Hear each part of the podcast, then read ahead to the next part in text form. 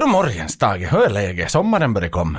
Nå jo, man sitter nog och svettas lite grann faktiskt. Det är nog typ 28 grader här utanför dörren nu, så man är nog lite varm i kroppen och inte, inte, inte, inte liksom nödvändigtvis bara av solen utan också av Paul Hogan och hans klädsel. Mm. Ja, han, han klär sig i ett varmt land. Det är en sak som, som har lämnat sen förra avsnittet, efter din, din mycket fashionabla tävling du arrangerade för mig med systrarna Graf. Ja.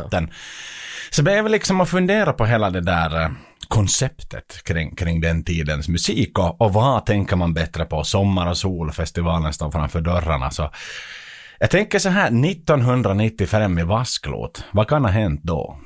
Nå, om inte jag missminner mig så är det ju alltså Rantarok som du pratar om. Exakt, det var då festivalen som startade redan på 80-talet flyttade till Vasa, till Vasklot. Den hade varit på lite olika platser runt omkring. Men 95 och framåt, det var då den cementerades utanför Tropiclandia i, i Vasklot.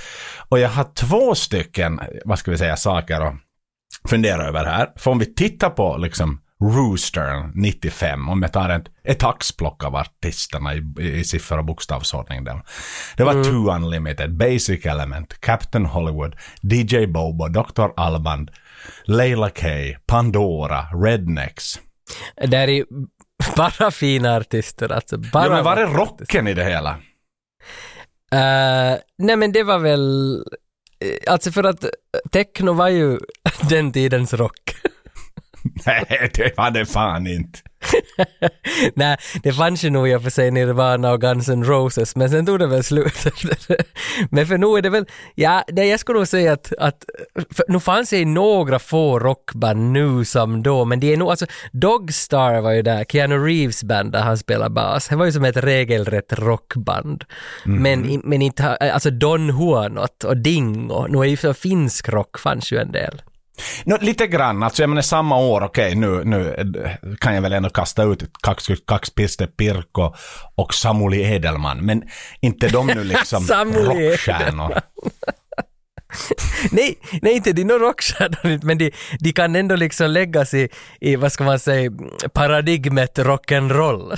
Ja, ja, för tar vi oss lite vidare igen, huvudartisterna, tre stycken från Sverige. Det var Leila K. Pandora igen och Leila K. tillbakabjuden för ett bra föregående år, Robin Rass. Sen har vi Apulanta och där börjar vi ju ändå vara inne på rock kan man väl säga. Men även de finska artisterna, förutom dem, det var Nylon Beat och Waldo's People. Och Scooter var med förstås. Det är ingen rock över det hela. Men vad jag vill komma till 1997, jag tror det här är en stor, stor händelse som väldigt få Vasabor faktiskt känner till och någonting som jag tycker man ska vara väldigt, väldigt stolt över i Vasa. Ja. Att eh, 97-upplagan så kom det ett amerikanskt band eh, som hette NSYNC som spelar i Vasa och med en viss aktiv Justin Timberlake som har stått och studsat i vasklot. Och med tanke på liksom den legacy som den karn har idag så är det ju faktiskt någonting som Ja, det är ju som att hitta naziguld igen alltså. Naziguld. Alltså om du talar med riktiga Vasabor så ofta vet de, alla känner ju till Rantarok, vi har växt upp med Rantarok, vi har samlat flaskor där alltid på söndagsmorgon. Man fick ju jättemycket flaskor från det området. och, och liksom i den biten, men de flesta som är från Vasa känner till att Keanu Reeves har varit där, att Dogstar är liksom en sån här grej som folk alltid brukar namedroppa. Men sen, jag talade med Jukka Isojoki en gång och han namedroppade också en synk, att det är inte så det jättevanligt att folk namedroppar den för om inte man råkar se på Wikipedia på de där listorna. Men jag gillar att de där riktigt inbitna Jukka Isojoki Vasaborna, de vet nog att Justin Timberlake har varit på Tropiclandias parkering. Ja, för det är ju helt sjukt om du ser på det idag. Mm. Han kom ju knappt till Finland på en spelning. Han är för stor för det. Det är liksom en Norden-spelning på sin höjd. Ja, men då måste du också tänka att, vad sa du, det var 97, jag tror Dogstar är där 97 också, nej eller 99, 99 var Dogstar tror jag. Men då har också Matrix premiär samma år som Keanu Reeves spelar bas på Rantarok. Så att det är också, Rantarok kanske hade vet du någon speciell dragningskraft över nordiska festivaler, för där var ju på riktigt de största banden som fanns på den tiden, så kom ju till Rantarok inom technogenren. Mm. Ja, ja, ja, ja, ja. Jo, jo, för 99 förutom då Dogstar, David Lee Roth också där, hux flux, tillsammans med, med en massa Erotic, E-Type och systrarna Graf. Det är också jäkla mystiska kombinationer. Sash med Ecuador var också där och sjöng och härjade. Jo, jo, jo, jo, där var ju nog det största. Jag gillar nog att systrarna Graf har varit där också. Så att, nej men det, det var en sån här intressant, du fick mig liksom den där nostalgin med låtarna du spelade fick mig liksom att men vad tusan, man satt ju där. Och ibland hade man ju faktiskt armband in eller fuska in sig på något sätt och grejer liksom så. Så man fick, man behövde inte bara stå på andra sidan staketet och och lyssna på techno. Jo, no, för jag minns inte att betala jag någonsin in dit, för sen började ju det här Rock Perry, liksom året efter, där, typ 2000 eller 2001, och de har jag varit på flera, men då Rantarock minns jag inte att betalade jag någonsin in, åtminstone så stod vi en gång bakom scenen och lyssnade på banden där. Alltså för det var ju en stor happening i Vasa, att man kunde, det fanns ju till exempel hundparken mittemot fängelse på den lilla hundön, att där, där satt ju folk liksom i stora grupperingar och drack lonker och, och lyssnade på musiken som spelades på andra sidan sjön.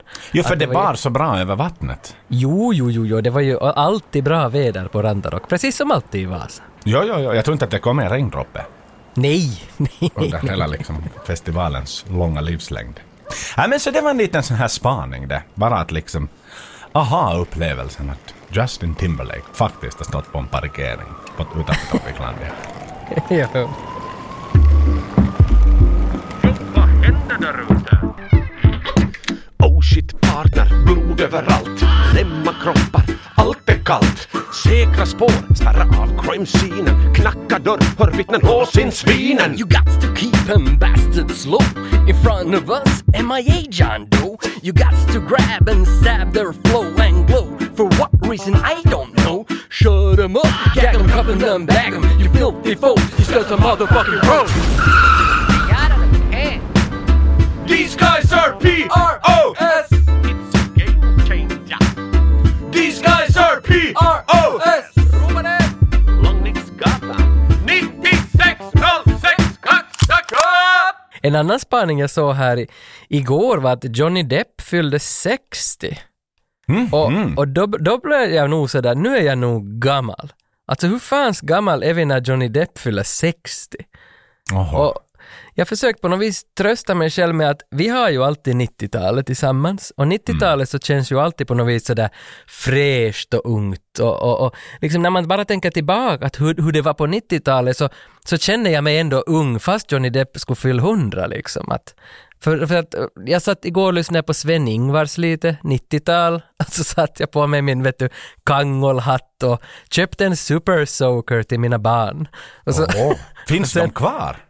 Eh, jo, de heter något annat men de är ju identiska som Super Soakan. De heter typ något X-Pro-shot eller Pro-shot eller något. För det fanns ju, man hade ju alla den där gröna som var lite mer såna handgun. Sen fanns det ju såna här riktigt rikemansvarianter med såna Mm. typ några ryggtankar och grejer. Aj, jo, de har jag glömt bort. Så man kunde dra på faktiskt en ryggsäck, en Ja. väska med band och alltihop där man fyllde med vatten. En, Alltså det var ju värsta mi- sån här Predator minigun-scenen liksom när någon står och pumpar med en sån.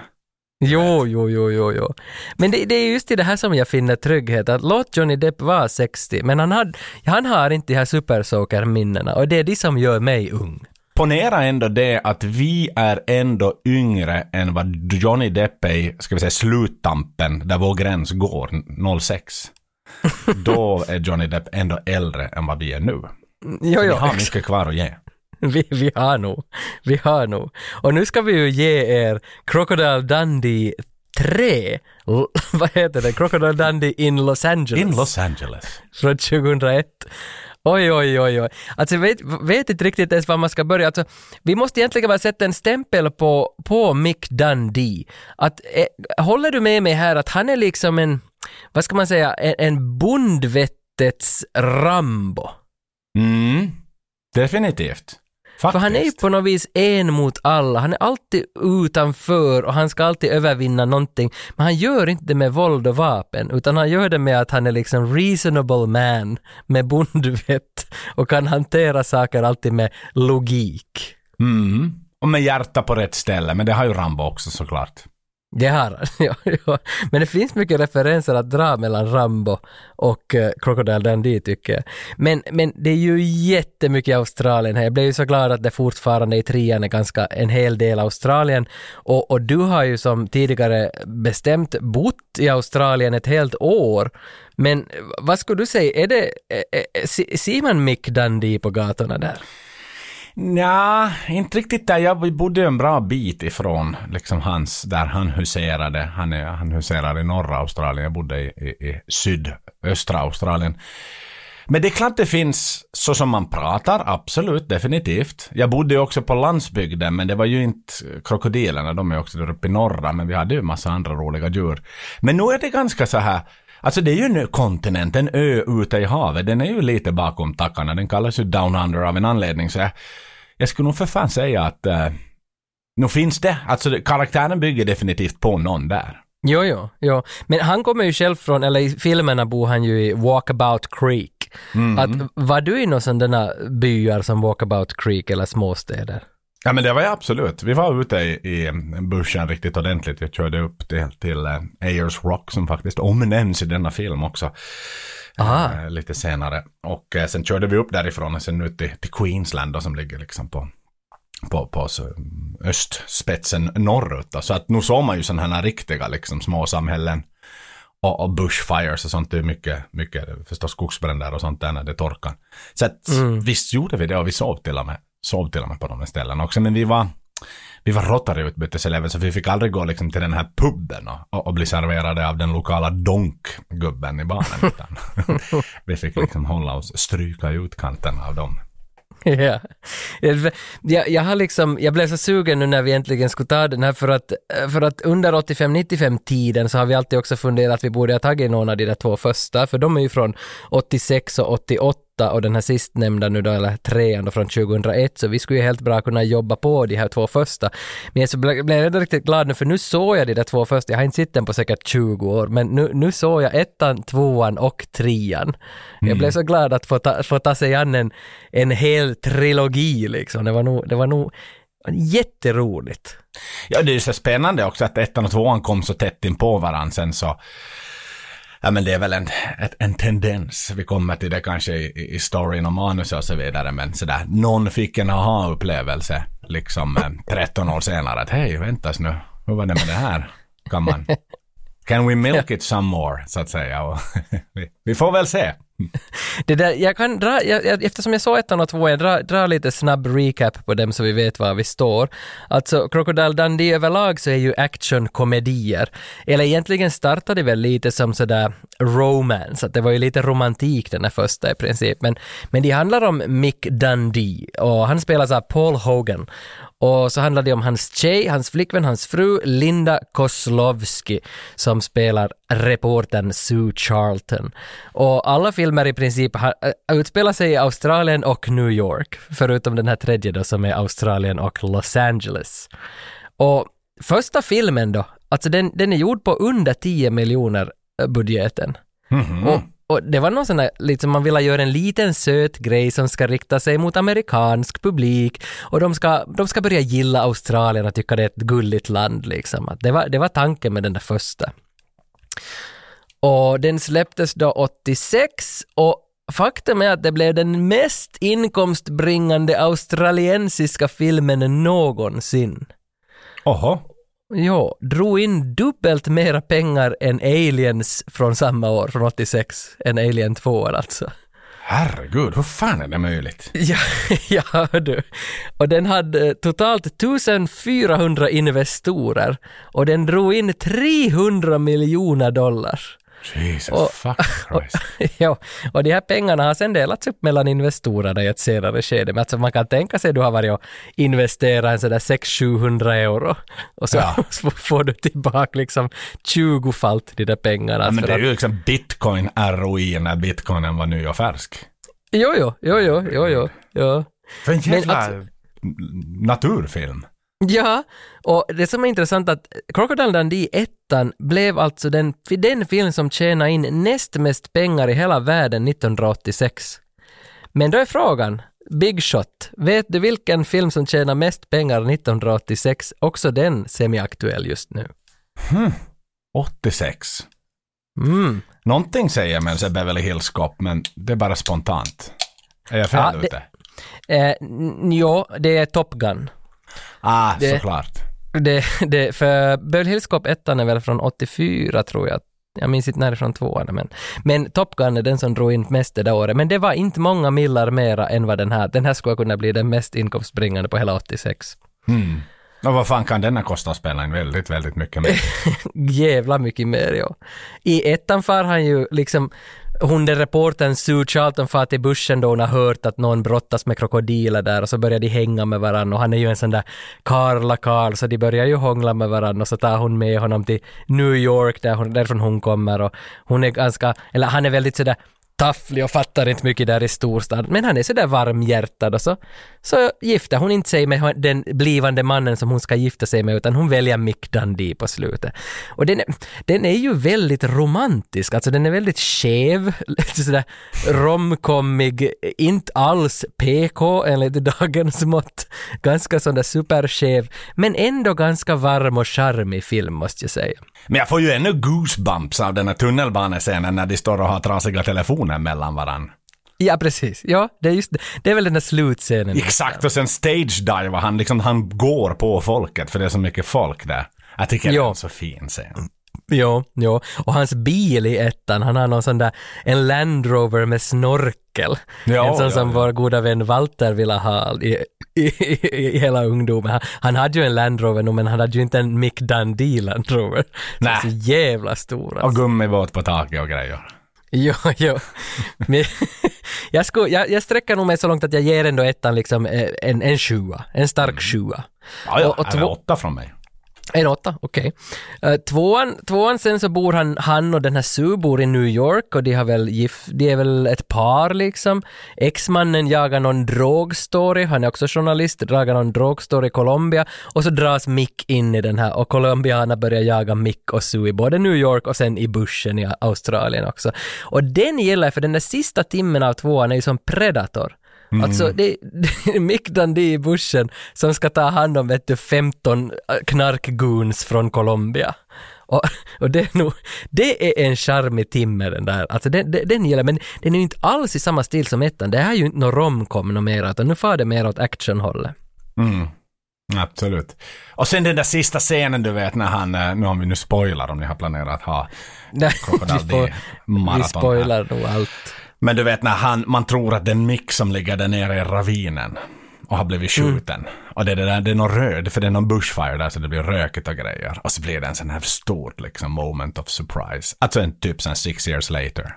Liksom. Och så Jo. är det ju inte han som ligger där nere utan det var skurken. Jo, nej, alltså jag, tyckte, jag tyckte den var fiffig. Alltså tvåan, tvåan mycket bättre än ettan liksom film tycker jag. Även om den är satans ologisk den där tvåan och jävligt liksom otrolig. Att det kan inte hända så här, det kan inte gå så här. Men den underhållningsvärde är, är, är, är vassare i tvåan än i ettan. För ettan är ju väldigt sådär drama långsam på något vis. Den är charmig men den här, den här är mera sådär witty tycker jag den här tvåan. Är det nu med action tvåan? Jo, jo. Såg du nu också ettan och tvåan nu eller har du sett den för några år sedan? Nej, Alltså i och med att jag, jag, hus- jag ser dem nästan en gång per år, båda två. Så att Jaha, de sitter. okej. De sitter. De, de sitter. Och trean då 2001, Crocodile Dundee in Los Angeles. Så den har ju faktiskt kallats för en av världens sämsta filmer. Liksom sådär, av stora medier. Så pass. Så det, ja, så det är ju inte, den har ju, jag vet inte vad har den, vet du, vad har du på koll på rakan vad den har för IMDB-score? Visst har jag det. Visst har jag det. Vad, vad vågar du gissa på? Uh, Nå, under fyra. Men faktiskt inte. Nähä, 4,8. mhm, Så det är ändå Men- fairly decent. okej, okej. Nej men, trevligt. Halv, du halvvägs till 10 nästan? Nå jo, jo. och eh, alltså efter den här trean så Linda Kozlovski, eh, hon som spelar Sue Charlton, hon har alltså slutat skådespela efter den här trean för hon orkar inte något mer. Det ble, hon, ble, hon blev erbjuden massa skit efter det här bara. Så att det tog slut där liksom. Jo men det är ju hennes liksom eh, prime roles det här. Alltså du nu tittar vad hon har gjort annat. Så inte det är ju liksom, det är det Nej. här, här hon är känd för. Så enkelt är det. Jo, jo, så är det. Och regin av trean så står Simon Windsor för, en mycket erfaren australiensisk regissör som har liksom mycket grejer på sin CV ända från 70-talet upp tills liksom idag. Och han har ju jobbat tidigare så jag just med Paul Hogan att de har gjort eh, Lightning Jack 1994. Mm. Men den är jag inte bekant med. Jag, jag såg planschen, bara såg ganska häftig ut, men jag har inte sett den. Nej, sen gjorde han väl eh, Indiana Jones TV-serievarianten också. Jo, den där Adventures of Young Indiana Jones. Exakt, som man ändå kollar på när man liksom ville Jo. suga in allt som hette Jo. Indiana Jones. Jo, jo, för jag har nog sett liksom, det var ju en sån där, vad hette det här som gick på TV4, det här barnprograms TV4. Alltså, som kom på söndagsmorgnar där de blandade in alla möjliga sorts, nu heter det typ sommarlov. Men, ja, ja, då ja, men något sånt där. Ba- Barn-TV, Barntimmen.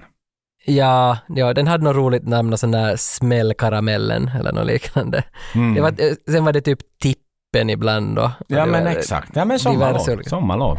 Ja, och där visade de en del av det här Adventures of, the, of Young Indiana Jones vill jag minnas, för där har jag sett via dem en, en del.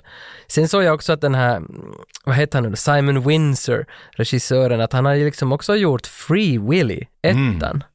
Alltså Det sen- originalet. Jo, och sen också Harley Davidson and the Marlboro Man. Alltså det, det, det är liksom stora titlar och Fantomen-filmen med Ja, Billy Zane. Det är ju en av de sådana här tidiga filmerna jag såg eh, back in the days, liksom superhjältefilmerna. Och man hade ju enorma förväntningar på Fantomen. Det var ju liksom, eh, det var ju minst lika stort franchise som Batman och Stålmannen och så vidare. Men, Jo, men jo. Den, den lyfte ju aldrig riktigt heller. Och det blev ju Nej. aldrig något mer av Fantomen. Men jag undrar, att, är det så att Fantomen bara var stor i Österbotten? Finns en risk för det kanske, ja. För att- det att- är, är det Marvel eller DC? Nej. Jag vet, i så fall skulle jag säga att det är DC, men tror jag, jag tror nog det är något eget. Ja, men då var ju också, alltså som i Sunes sommar, när är den då, 94, där försöker väl Sune få den här Fantomen-ringen ur de där maskinerna då han Yes. gräver sandgroparna åt, åt de här två bröderna på, på, på campingen. Helt korrekt. Helt korrekt. Så Fantomen måste ju ändå... Nej, han får stor. bara Fantomenringarna. För han ville Ah. ha de där örhängena som Yes. hänger liksom på display. Jo, sant jo. Och sen mot slutet så, så kommer ju en av de här bröderna att plocka fram de där örhängena då han har kämpat tillräckligt. Yes, korrekt. Jo, nu minns jag. Men då vill jag nog ha en Fantomenring, men nu måste ju Fantomen ha varit stor någon annanstans i Österbotten då, eftersom Sune, Sunes film för fan också hade mycket Fantomen. Ja, nej men det, det kanske är igen en sån här trend från Sverige. Jag menar allt, allt som var stort i Österbotten kom, kom väster, västerut ifrån. Inte kom det från Helsingfors inte. Nej, nej, nej, nej, nej. För att det största vi hade i filmväg i Österbotten, jag vet inte om, jag tror inte det finns kvar något mera, men bredvid pappadagis i Malax, Mm. där uppe på backen så fanns ju den här filmuthyrningsbutiken, vad fan hette Malax den? videoshop. Malax videoshop, exakt. Och där hade ju enbart svenska filmer med svenska konvolut. Jajamän. Liksom. De fulhandla. Var det så? No, nu måste de ju fulhandla från någon sån här typ Ellos-katalog eller från någon grossist, filmgrossist i Sverige direkt gissar jag. Just det, så köpte in det dit och så hyrde de ut det. Ja, man fick köpa också. De sålde också. Aha, okej, okej. För att där minns jag att man har varit och hyrt, hyrt filmer liksom med, med riktiga titlar som, vad heter Jingle All The Way på, på svenska? Det är en bra fråga. För, på finska är det väl Isäni on turbomies. Ja, Och på, på svenska var det Klappjakten heter det. ah, det är sant. Det. Ja. Ja, så, så där minns jag att jag tycker jag har hyrt Klappjakten så man skulle få svensk text, för på VHS kan man ju inte byta språk på texten som bekant. Nej, nej. Inte har ju haft någon liksom blomstrande karriär. Alltså fine, han har gjort vissa eh, så här ikon, no, inte, inte fan ska jag kalla Free Willy ikonisk film, det gör jag fan. Så, så, jag menar vi har ett spann på tio år, om jag då i den liksom chans att säga att den är ikonisk, det är den inte. Det är en barnfilm, en familjefilm som, som också drog in så in i helvetes mycket. Ja. Som jag också ägde på finska på VHS som hette... eh, vad fan hette Free Willy på finska? Jag tror den heter Pelastaka Villi. Pelastaka Villi heter den, ja. Exakt. Jag tror det. Så att, men man ser ju mycket, alltså han, det är ju hans sätt att göra filmer på, åtminstone den och Crocodile Dundee 3. Det är ett format han har börjat jobba enligt här skulle jag säga. I sitt Mm. arbetssätt. Som kanske Mm. kanske inte tilltalar mig som individ så det är väldigt mycket. Men, men det var ju också 90-tal. Men jag skulle tro att den här Paul Windsor överlag är väl säkert ganska Disney av sig, om man nu ser på hans titel. Simon Windsor, om jag får Simon rätta Windsor, det. ja. Men han kunde ha hett Paul lika bra. Ja, för en annan som heter Paul är ju Paul Hogan, han som spelar krokodiljägaren. Och faktiskt Och- har varit med och co-writat den här. Jo, jo. Jag fångade upp lite korta faktan på han att han har ju också hållit på sedan 70-talet med, hållit på, han, han höll på med skojiga karaktärer och humorshower på 70-talet. Och det ser man ju nog i den här trian också, att han imiterar ju någon New Yorkers där och gör sig lite på deras bekostnad lite humor och sådär. Så, så, så han, han kommer från en sån bakgrund och det är ju med faktiskt, det är faktiskt 1986 i och med Crocodile Dundee som han har blivit eh, en stor kändis då, som, eh, för världen så att säga. Han fick ju vad fan till och med en Golden Globe för bästa manliga huvudroll för Crocodile Dundee ettan. Är det sant? Ja, och så hade han, va, han var också Oscar-nominerad för manuset till Crocodile Dundee ettan. Jesus Så att- Christ. Så han har suttit på galan den jäveln? Han har nog det säkert, inte har jag sett några bilder av honom på galan, men garanterat om man googlar så finns det, för att den där filmen, om du tänker att den drog in mest pengar på hela året, och det brukar ju vara Oscar, eller bara Top Gun som var före, men det brukar ju Oscar-galan vara ganska snabba med att sånt ska ju nog alltid finnas på galan, det är det som drar in stora pengar alltså. No, det är klart det. Det är klart. Det är fan vad spännande. Mm. Fin rummet. Jo, jo, jo, jo han, var, han var nog någonting att räkna med. Mhm. Och sen, eh, sen var han annat, alltså 96 var han med i Flipper-filmen, Paul Hogan alltså. Och det har jag nog fan inga minne av att han skulle ha varit med i Flipper-filmen. För Flipper är ju också en sån där som Free Willy, att den där jävla delfinen. Ja, exakt. Men jag vet inte fan, det, det, det, var ju, jag visste inte ens att de hade gjort en jävla film om det. Utan det är klart att man, så här, flippa tv-serien var ju det man alltid såg på. Ja, för den, den är väl från 70-talet den, tror Jag jag. vet inte fan, men det var ju några jävla polisbåtar och några sjöbevakare som får runt där och så var Flipper alltid kompisen som... Alltså det är ju helt samma som det här Nej, nej, polisen. nej, vet du nu, vet du, nu tänker jag på Lassie. Den är från 70-talet.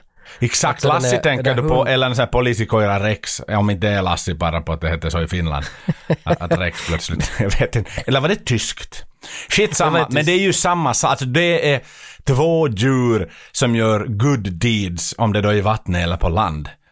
Det är ju Ja. liksom verkligen så här, så det blir inte mera snällt än så. Nej, nej. Och sen så är ju faktiskt i Flipper TV-serien var ju min idol med, alltså Jessica Alba. Hon är ju Ah. med i den serien. Som någon barnskådis då. Uh, jo, eller vad kan hon vara? Va, vad ska man gissa att hon är i serien? Kanske 15, 14? Jag minns. Jag minns Och där co-starar han ju med Elijah Wood faktiskt, i Flipper-filmen. Jaha, jo, jo, jo, jo, ser du, jo, nu ser jag bilden framför mig också. Det är han nog och Elijah. Wood på pärmen. Ja, ja. Jo, jo. Men jag vet inte om, om, om Jessica Alba är med i den, i filmen. Nå, skitsamma, det minns jag inte. Eh, idag så är han alltså 90, eh, 83 år gammal. Han är nog fullt, fullt levande nu, Paul Hogan. Mhm. Och, och det som är roligt här är att mellan 1990 och 2014 så, så var han alltså gift på riktigt med Linda Kozlovsky också. Hon som spelar Sue Charlton i alla filmer. Så de, Ja. de var gifta i 14 år. Och fick väl ett barn också. Han har sex barn i övrigt med flera, med några andra tjejer. Men, men med Linda har de ett barn som heter Chance Hogan som är född 98. Varför separerar de? Det blev jag att fundera på. Jag menar om hon la av med karriären 2001, det är inte som att han har haft en jätteaktiv karriär efter 2001 heller. Vad har han gjort? En, två, t- tre. Att, Tre filmer har han gjort och några så här reklamer och grejer. Så Ja. att, eh, om de nu båda lite sådär, call it a day där, kunde de nu inte leva lyckliga i alla sina dagar då? jag, har inte, jag har inte läst in mig Berätta det för mig Tage, berätta det. jag har inte läst in mig på deras kärlekshistoria eller sexliv, så jag vet faktiskt inte alls varför de, varför de skilde sig. Men, men det är så att ett av, ett av de här Hogans barn, han som heter Brett Hogan, han har skrivit manuset till Crocodile Dundee 2. Jaha. Så pojtsin har varit och skriva. Det är nog riktigt spännande. Men är han, så- är, är han inom film idag? Brett Hogan då? Det, det måste vi kolla upp, det kan jag ju kolla upp här, här med ens alltså. Eller var det någon sån här uh, once? För jag menar, han är född 1960, Brett Hogan. Så han var ju inte jättegammal då, han var 24 år gammal. Om det var, eller 26 år om den kom 86. Mm. Så. Nå, han, har, han har varit kameraman på Australia Laughs och så har han skrivit Crocodile Dundee 2 och där slutar hans grej. Jaha, så det blev inte liksom en framtida. Nej, det är nog, han har nog, pappa har säkert varit med i den där Australian Laughs och så har han fått vara kameraman där och sen har pappa hjälpt till och så hej skriv ett manus, du har kul idéer sonen. Ja. Det, Han det, sa som det- Jar Jar Krutiainen, inte blir man ju rik på det här, men nu lever man. en referens till Malax-TV om ni känner till det. Jar Jar Krutiainen. Sista jag har egentligen om Paul Hogan och hela hans franchise Crocodile Dundee är att jag såg på Wikipedia igår där jag öppnade sidan för Crocodile Dundee 2 och kollade när den senast har uppdaterats.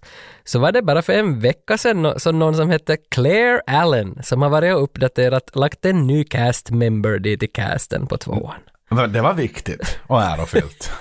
ja, så man kan- inte tänka sig att det, är- det, det, det är en serie filmer som fortfarande idag liksom folk vill gå och rätta saker på nätet och tilltalas av den här franchisen. Att nu är det ju, nu är det ju fint ändå nog. Jag tycker jättefint. User generated content. När den är som bäst. Jag tyckte så att den där liksom killen som spelar krokodilen där var inte med. var inte, var inte krediterad. Precis. Så hon har varit där och rättat till någonting hon då. Mm. Nej, riktigt festligt. Och mera har jag inte liksom om, om, om franchiset för för Croco- Crocodile Dundee-filmen. Att jag tycker att nu, nu tycker jag jag står på ganska stadiga ben och ve- vet en del vad vi ska få se i trean här. Det är nätt och fint. Jag skulle lite kort vilja fokusera på Mike Dundee i den här rollen, då Mix och Sus gemensamma son i filmen. Ja, Skådespelaren, han heter Serge Cockburn. ja, han heter faktiskt så. man gillar ju Cockburn. Serge Cockblock. Han är född 1990 utanför Sydney. Och det lilla jag nu lyckades hitta om honom är att han, åtminstone, jag vet inte om det här stämmer idag, men han spelar fotboll, spelade eller spelar. Och älskar reptiler. Han har fem ormar, en gecko, en rosatungad någonting och en annan ödla och en hund. Okej. Det ägde han. Man gillar ju att han, Och- att han har en rosa tungad någonting. He- ja, det, det lämnar vi för. Det får nog ni googla upp om ni vill ja, Serge Cockblock. Animals. Serge Cockburn. Uh, det var ju hans debutroll, så han var ju en barnskådespelare, precis som, som många andra debutanter i, i den åldern. Eh, och han skickade in då en demo-reel som han gjorde tillsammans med sin muffa. Och, och den här casting directorn, liksom, hon, hon bara ramlade av stolen av entusiasm. Hon tyckte att det var det bästa hon någonsin har sett. Mhm. Och eh, då tänkte vi att nej, men här har vi ju liksom en, en, en ny Home Alone eh, potential star eller en ny, ny det här en, eh, Terminator 2 debutant. Men, men se icke, han har gjort en enda film efter det här och det är Danny Deckchair som kom två år efter, 2003. Jaha, va, vad är det för någonting? Det handlar om någon som har en sån här stol ute på terrassen och sätter en massa ballonger i stolen så han flyger upp. Och så blir han liksom en sån nationell angelägenhet i Australien för att han flyger runt i sin stol i ballonger. Okei. Aina ser jag, mies, joka putosi taivaasta. Med, med Ryss-Ifan som Miranda Otto. Just det. Och så den här killen då. Och jag har försökt, ja, man blir ju fascinerad med de här som faller av radarn helt och hållet. Eh, Lite som, som Hogans son där. Men så här finkammar sociala medier, jag är finkammar Facebook, Instagram och LinkedIn. För att försöka vad Serge Cockburn gör idag. Mm. Men han är som förrångad från vår planet. Äsch. Vad tråkigt. jag tittar i nyheter, försökte titta om han är död eller någonting sånt här. Liksom. Jag scrollar tillbaks många, många, många år i nyhetsflödena också. Men jag hittar ingenting. Kan han ha bytt namn? För jag menar, vem fan vill heta Cockburn? Möjligen. Eller så blev han liksom så ut, utpekad och utskrattad av den här filmen att han fick liksom ett sånt här mångårigt utbrändhetssyndrom att han, han, han kunde inte synas något mera. Att det, det, den här Crocodile Dundee 3 satt spår i hans liv. Nej men det är 22 år efter nu. Jag menar att han inte har emergat på Facebook eller någonting. Han har nog bytt namn då.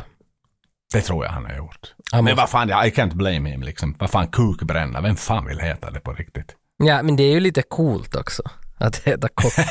det, är in, det finns coola namn och så finns det Du skulle aldrig ha en 80-talshjälte som heter Mr Cockburn. Nej, bara i en komedi med Leslie Nielsen. Nå, där skulle det passa, ja. Det är ju ett svaghetstecken, så att säga. Det är ju inte ett liksom styrkebesked. nej, nej, men, men, men, men ja, in, instantly så gillar jag nog ändå hans namn. Jag Serge- tycker det, ja men det är ju fan så vackert att någon har kommit på det då. Någon, hans farfar som han gjorde demoreelen med. Någon settler liksom kommer till Australien och om de då har tagit det namnet eller liksom. Att det har burit vidare. För det finns inte jättemånga, alltså överlag om man tittar liksom på LinkedIn eller sådär, söker Cockburn så det är inte jättemånga träffar. Kanske han tog ett stage name för filmen och så hette han aldrig det egentligen. Men det är det jag vet. Och sen eh, tittar vi då på trean som vi snackar om. Eh, kostnadsmässigt, den kostar 21 millar i, i dollar att spela in. Och under öppningshelgen, eh, till skillnad från ettan, så drog den in 7,7 miljoner i Kanada och USA. Och tittar vi liksom worldwide fram tills dagsdatum ungefär så, så landar den på strax under 40 miljoner som den drar in. Ja, alltså den har ändå fått tillbaka sina pengar i alla fall. Det har den gjort i alla fall. Och, och den är ju, ja men exakt, den, den, den är så lång som den ska vara. En timme och 35 minuter, så den passar ju perfekt in i den här actionkomedi-längden. Jo, jag blev nog glad att det är så att, för jag hade bara sett den här en gång tidigare, kanske 2005 eller något sånt, när den var billig på DVD på Velexet Keskinen. Och, och det är nog enda gången jag hade någon minne av vad den handlar om, ingenting, men jag blev glad nu när jag satt på den att det var bara en och en halv timme, att man inte behöver sitta och ödsla liksom två och en halv timme för någon sån här epos-grej, utan den var riktigt passlig längd. Så där har vi ju ett litet infopaket denna gång om vår kära australiensiske vän. Mm. Mm, men, men frågan är ju liksom, som, som är på alla läppar, att varför har vi valt att ta den här filmen? För jag tror att det var du som började picka i den här filmen och ville lyfta upp den till ytan. Ja men det stämmer ju, det stämmer ju. Jag menar vi kommer ju, vi har ju filmer att avhandla och filmer att välja och Alltså, franchiset Crocodile Dundee har ju en speciell plats hos mig eftersom det ändå är... Det finns inte jättemånga australiensiska filmer, typ Mad Max är ju den andra liksom som man kan sådär eh, känd med, men liksom Priscilla, Queen of the Desert och Proof of Life. Nej, inte Proof of Life, Proof tror jag den bara heter. Som en sån här med Hugo Weaving när han spelar någon blind fotograf. Det var ju filmer som aldrig slog igenom utanför, utan man såg dem på modersmålstimmen i Australien, i skolan liksom. Men det var ju sån här fin konst som man tvingades se. Men är inte liksom, finns inte några sådana här stora från 80-talet, typ någon sån här The Killing Fields, eller någon sån här... Du Nej, vad- det finns inget annat än Crocodile Dundee. Jo, alltså den här jäveln, alltså Gallipolly, alltså den här Mel Gibsons debutfilm, då han spelar någon sån där springbud i första världskriget. Den, den, den minns jag att var jättebra, den jag faktiskt sett, alltså utöver Mad Max och Crocodile Dundee. Nu finns det väl för fan, alltså Baz Luhrmann, Moulin Rouge, men det är ju inte australiensiska filmer, men australiensiska regissörer. Jo, jo, jo, jag menar australiensiska skådisar finns det hur många som helst av, men det är ju inte liksom, det är inte jättemånga. Varenda jävla en är ju liksom, ska ju, det, det är ju ingen sån här, alltså det finns ju mycket indie-filmer så att säga, eller som är gjorda på australiensiska, liksom dirty deeds och sånt, som är lite mer cityfilmer. Men vad ska jag säga, alla som har slagit sig utanför, som har blivit internationella succéer, bygger ju på den här råa outbacken. Den bygger på det här liksom karga landskapet och de här stora vidderna. Det bygger kanske inte på att du har en gangster liksom i, i Australien, du vet, någon underjord, du vet, liksom i undre världen som dealar och wheelar och säljer liksom känguruskinn till höger och vänster. Utan det är ju. Men alltså, i- alltså Young Det det Einstein. Young Einstein är ju australiensisk. Den gjorde vi med 85-95 någon gång. Den här killen som, eh, det det är ju en som är historisk film med humortappning. På, på planschen står han och drar på en gitarr och så flyger håret åt sidorna. Alltså vad- fan heter han nu då, han som är, som, som är hela, Yahoo Serious heter han ju. Hans filmer är ju riktigt rå australiensiska. Och så har ju, alltså en till som jag nu kom på, den här Kangaroo Jack. Det var ju en, en, en Bruckheimer-film om en känguru. Så, så Jo, jo, jag, jo. jag minns när den... animerad. Nej, att ja, kängurun var väl, men inte all- alla andra, eller hur det nu var. Nej, exakt, nej, nej. Nej, men det var ju den här Looney Tunes-tiden liksom. Typ. Jo, för jag minns jag var så glad då Kangaroo Jack kom för att jag äntligen fick en Bruckheimer-film man har väntat efter de här The Rock och de här. Och så köpte man Kangaroo Jack, betalade full pris på Antilla i Vasa. Och så var den så skit den där filmen. Alltså, det var liksom så hemskt. Men alltså Bruckheimer-febern var ju som störst och jag fattar inte varför han gick och och producera någon Kangaroo Jack-grej. Men det så här på tal om det som var lite kul ändå, eh, om vi flyttar oss, liksom den här patri- filmpatriotismen som, som befann sig i Australien. Som sagt bodde jag där under ett år och, och det var ju på den tiden när Swordfish-filmen kom ut. Ah, Och, och, och jag bodde ju liksom hos ett gäng gamlingar där. Det var liksom 70 år som, som de var liksom mina, mina värdföräldrar. Men då skulle vi minsann gå på premiären på Swordfish liksom på lokala biografen. Och de som två 70-åringar kommer liksom med. Och, och jag menar det är nu ver- verkligen inte en film för två 70-åringar. Liksom den filmen, datahacking och, och, och så vidare. Liksom, och en del liksom sexscener och vad ska vi säga olika temptations till höger och vänster. Men det var ändå en så här, nu är det en av våra, nu är det en av våra som har slagit igenom och fått göra en stor worldwide film. Det är klart att vi liksom australiensare slutar upp bakom vår, Ja. vår stjärna och, och, och går med och tittar på den filmen. jo, jo, jo, jo, jo. Nej, den, den filmen däremot, den är väl från typ 2001 den också visst? Någonting sånt. Någonting Ja, sånt. Den, för- den faller inom vår, inom vår kategori ifall vi någon gång vill göra sig i kast med den. Ja, för den, den tycker jag nog, den är nog värd att ge sig i kast med. Den är nog bra alltså. Mhm. Ja, ja, nej men ska vi without further ado ge oss i kast, eh, sätta igång trailern för Crocodile Dundee in Los Angeles och så kör vi sen. Yes! Deep in the wilderness, there lives a man. His name is Crocodile Dundee. Good night. Now, he's leaving the outback Welcome to Los Angeles. for the jungle. Yo, give it up, punk. I'm always getting married. I must look rich. Must be why they call LA the city on wheels. What do you mean? Well, they don't even get out of their car to mug you. And this time, he's going after a whole new breed of animal. I'm sure it's an elaborate front for something. Who is this man? After him! Don't worry about me. I'll blend right in. Crocodile Dundee in Los Angeles.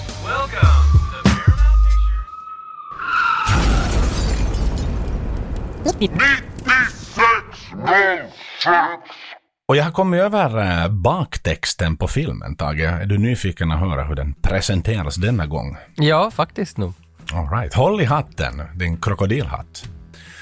He's wrestled crocodiles down under and fought crime in New York.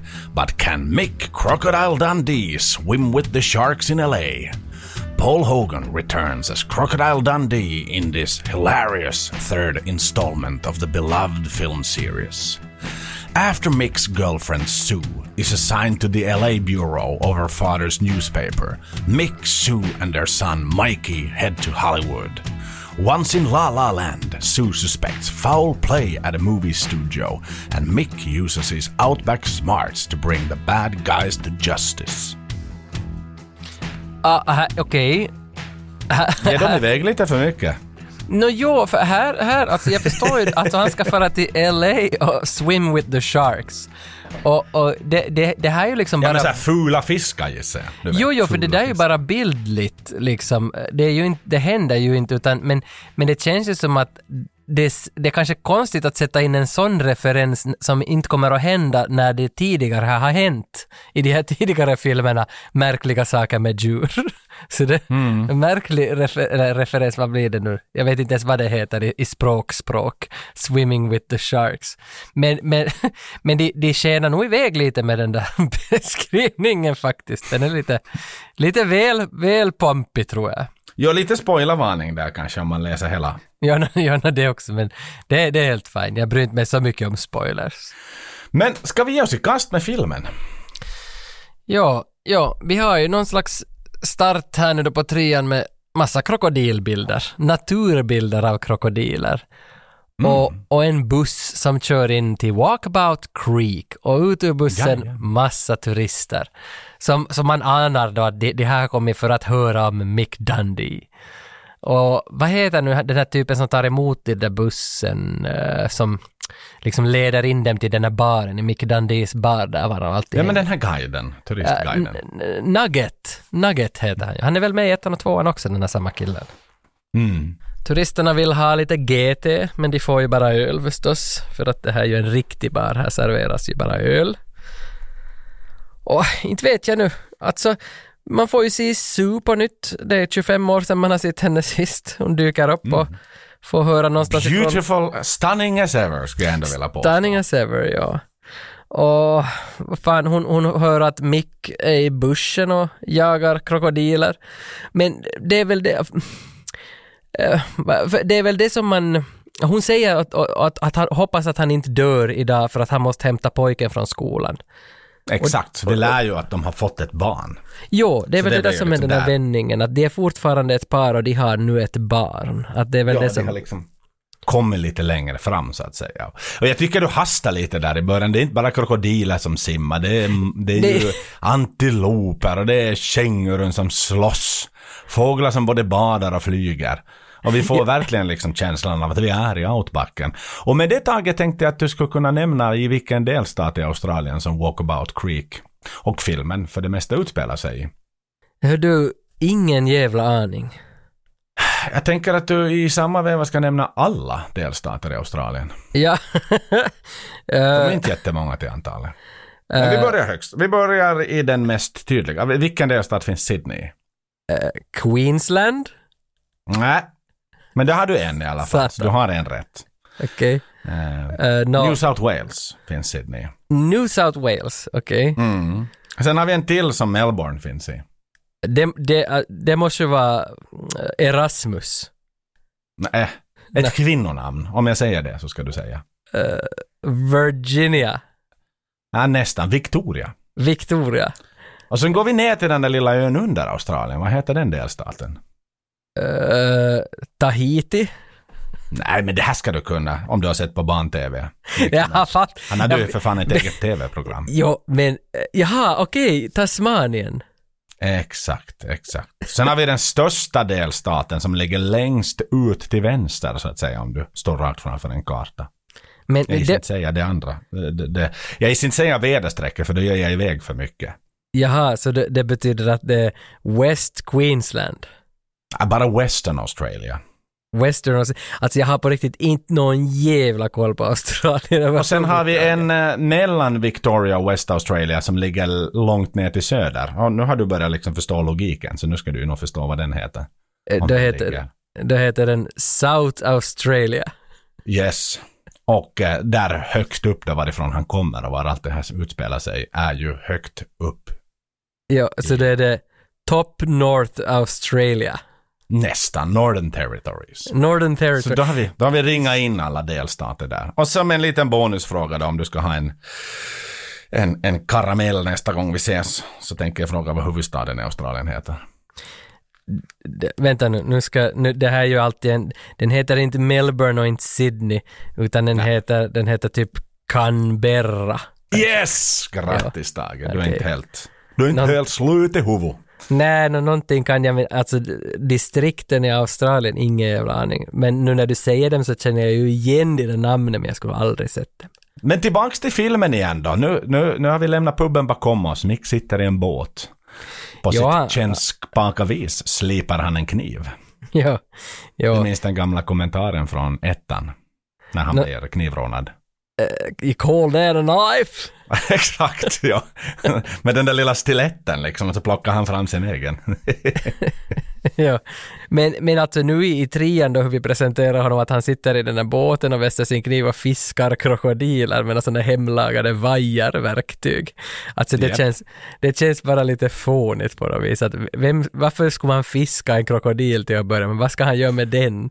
Han, han säger ju att han dödar ju inte krokodiler utan han, han tar ju hand om dem så att säga. Ja, exakt vad hans motto i livet, det kommer vi att lära oss lite längre fram, är ju det att när hans son ska ha livet av ett djur, så stoppar han ju sonen och säger att man dödar bara om man ska äta upp det.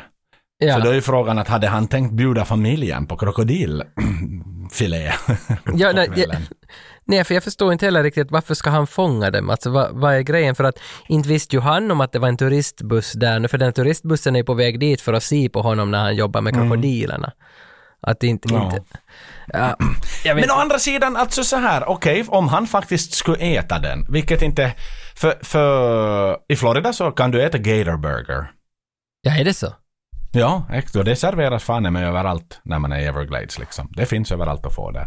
Så att det är ju inte osannolikt att det jakt är tillåten på krokodil. Jag vet inte om den är fridlyst. Nej, nej, men det, det säger lite emot de här tidigare filmerna ändå liksom att han har ju inte varit en jägare aldrig av krokodilgrejer. Nej, han satt ju åt allehanda olika grill, grillade djur där ibland liksom, som han ju grillade både med sua och med andra vid öppen eld. Ja. Fladdermöss och vad fan det nu var han liksom fixade och hade sig. Ja, ja, ja.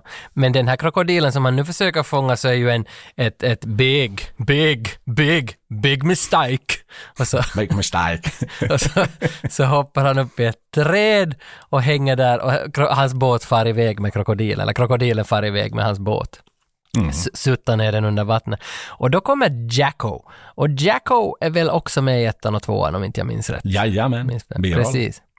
Biroll, för han kommer med sin kajak och, och, och ska väl hjälpa till. Han, han är väl bara ute i bussen och kajakar lite i krokodiltäta vatten. Jag vet inte riktigt vad han gör där. Men eh, krokodilen tar ju också hans kajak och så, så sitter de båda två herrarna i ett träd. Och då kommer turistbussen på plats och ser när de sitter i ett träd. Ja, Ja, och så försöker han liksom den här kompisen då tjasa, alltså han turistledaren tjasa in dem i bussen för han skäms lite över, över sina två vänner som det inte går så bra för där i trädet. Mm, mm. Ja, för de far väl in tillbaks i bussen. Grenen på trädet brister och pojkarna faller ner i vattnet och simmar undan krokodilen. Och han hinner hämta sin son då från skolan så att han, han är, har tur att han klarar det med livhanken i behåll. Men vad är, vad är Crocodile Dundees eh, jobb? Alltså är det det där han gör med Han är en bushranger. Just det, så han, han liksom bara håller reda på bussen att hålla den i styr, att inte är några tjuvjägare på plats. Ja, ja, ja, nej men en slags liksom kommunal parkarbetare bara att liksom är lite större Ja, ja. omfattning. Okej. jag. Liksom, hålla, hålla pejl på läget, ser att det nu inte brinner några skogsbränder och Ja, se till ja. att naturen är välvårdad och mår bra. Ja, för jag funderar alltid lite det där att kan man ha det där som jobb, men nu kan man väl ha det nog, viltvårdare. Eller sen kanske han säljer krokodilkött. Säljer han krokodilkött or not, så att hittills i den här filmen så det är nog jävla död stämning alltså. Det finns inte någon Känns som att det inte finns någon charm och inga skådespel, alltså någon bra skådespel, ingen bra dialog. Alltså det känns som att första 10-15 minuter av den här filmen så är helt bara kaputt. Och jag, jag vet inte liksom varför det känns så, men det kändes när jag såg det här nu som att ettan och tvåan har liksom någonting på gång, någon nerv som man följer. Men den här trean känns bara som platt och tom. Ja men alltså så här, och speciellt den här början, är ju, det handlar ju liksom om att bara, vet du, återintroducera gamla karaktärer som har varit på dekis i 13 år och så är det sådär, aha, fan jo, titta den här västen passar ännu, senast jag bara den här var på 80-talet liksom när de står, vet du, i kostym, mm, lastbilen och provar sig. Och samma gäller ju, för han träffar ju sin den här borginske vännen som ju också är med i ettan Ja. och tvåan och, och där då ryktet har gått att krokodilen har liksom varit och ja, ja, mm, fått ner hans båt sådär och det blir lite pinsamt och, och så blir det en sån här klyscha där liksom att ja nej, men du vet vi har ett sjätte sinne, vi har borginer så vi kan liksom känna av men sen visar det sig vara mobiltelefon liksom som han har fått infon. Så det är ju verkligen så, så här, man försöker för mycket med att så här den här måste vara så rolig, den här måste vara så bra, den här måste vara, alltså det här är trean, den måste fan vara bättre än ettan och tvåan tillsammans. Mm. Men det blir liksom bara så här, alltså, ja, jag håller helt med. Det liksom bara griper efter halmstrån här. Jo, jag vet inte varför någon ska måste gripa efter halmstrån efter tio minuter. Det är som att, att filmen gav upp när den började. Ja, Jag vet inte varför. För sen efter det där så känns det lite jobbigt att se på den här filmen. Alltså, lite Jo, jo. hela tiden. han, han får ju någon sån här medelålderskris där att han är liksom, han är inget mer än en turistattraktion säger han sig själv som och säger att "He- I used to be somebody liksom. Och så står han ju och muttrar för sig själv liksom att Ja. åldern börjar ta ut sin rätt även på, på Mick Dundee. Ja, och, och då, lägg där till då att jag har hållit mitt löfte att jag ser alla våra filmer som vi ser på VHS och jag tycker att det är Mhm. liksom, den här VHSen har ändå gett en, en charm till allting hela tiden, men nu kändes det också som när, när det här är igång så att det var inte så mycket charm fast det var på VHS. Jag hörde nog det där videobandet rulla och det där bildhuvudet som snurrar där inne i bandspelaren, men, men ändå, det gav, som inte, det gav inte ens nostalgi. Jag vet inte liksom, det bara kändes tomt de första 20 minuterna. Jo, jo, jo. För sen är det ju så här, de traskar hem med, med sonen från skolan och, och sonen ska kasta liksom en sten på en leguan och det är då han kläcker det där att om inte du ska äta det ska inte du döda den. Och sen så kommer en gris, en, ett vildsvin liksom, i vägen för de två. Och då får vi så här igen, nu ska vi mjölka något lite gammalt, då är det liksom fram med de där fingrarna och jag, liksom den där hypnosen av djuren för att visa. Det blir så cringe-varning liksom. ja ja, att det är som såhär, något nytt för fan. Ta in något nytt i filmen. Hittills har ni bara liksom recyclat gamla idéer. Finns det någon benämning på den där, alltså, för att jag kallar det här i mina papper för hans zen-arm. Att, äh, finns det någon namn på det när han lägger fram armen så kan han ju stoppa vilket djur som helst eller prata med vilket djur som helst i princip. Men är det i någon film det nämns vad det är för trick han gör? Det är ju några mind games han gör med de där djuren. Ja, ja, det är ju något sånt här liksom hypnotisera dem på något jävla sätt liksom. Eller få dem att fokusera på en annan sak än vad de egentligen skulle göra. Jag vet inte fan. Det går det ju att göra på riktigt inte. Eller det kanske går. Ja, hör du visst inte vara sådär nu. Nu tror jag, Jag har att han försökt kan på det vår på riktigt. hund. Men det funkar inte. Precis. Men sen är vi hemma hos Mick och Sue och Sue är fortfarande journalist och en högt uppskattad sån. Och så får hon ett samtal från en tidning i Los Angeles och där hennes, eller jag vet inte om det är någon tidigare chef eller om hon känner honom sedan tidigare, men chefen för själva tidningen har gått bort i en bilolycka. Och, och de ringer Sue för att, för att hon ska ta över tidningen åtminstone några månader så, tills de kommer tillbaka upp på benen. Men det måste ju betyda att Sue Sue måste nog vara jävla högt uppskattad alltså, eh, journalist om hon rings in från Australien för att sköta Men det är ju hennes stort- farsa som äger tidningen. Var det så? För det missförstod jag hela tiden. Att det är pappan som har ägt in, men det var ju inte pappan som dog. Nej, nej, nej, nej, Han sitter ju i New York. Det var ju farsan som skulle gifta bort henne med den här andra kunden i ettan. Med den andra Just mannen i ettan då. Så pappan är ju liksom så här stor mediamogul. Typ Rupert Murdoch liksom. Ja, ja, okej, ja, nu kommer det tillbaka. Jo, jo, precis, så är det. Och då, och då är det liksom chefredaktören för tidningen som har gått bort och då ringer de in för att pappa hade säkert tipsat att hej, ta hit Sue så tar hon över tidningen. Ja, han ville få henne lite närmare och sådär. Nu vet du. Spelar, titta nu bara på, på Succession liksom, hur mycket han spelar sina barn. Ja, ja, ja. Så att eh, det var väl det han ville göra. Bygga en liksom sån här, börja spela spratt. Du kanske ska få ta över min, min, min tidning en vacker dag. Men inte du, men du. Hon kanske också har en massa syskon, Sue, som han jävlas med. Ja, vem, vem vet? Men, men de här besluten att flytta till Los Angeles, så det går som på två sekunder så har hela familjen beslutat att nu löser det sig med skolan där också nu. Jo, jo, jo, det var ju inget snack. Och under den här lilla tiden så är det ju en spindel som springer runt där i, köket. Och eh, han vet att Sue hatar spindlar, Mick. Så han gömmer liksom en hatt på den där. Och sen står han och babblar lite med henne om det där. Ja, men det är klart vi ska flytta dit en stund och det kan bli kul. Och sen när han liksom ska ta, vet du, lyfter på hatten igen så såklart spindeln borta och den har gömt sig i hans hatt.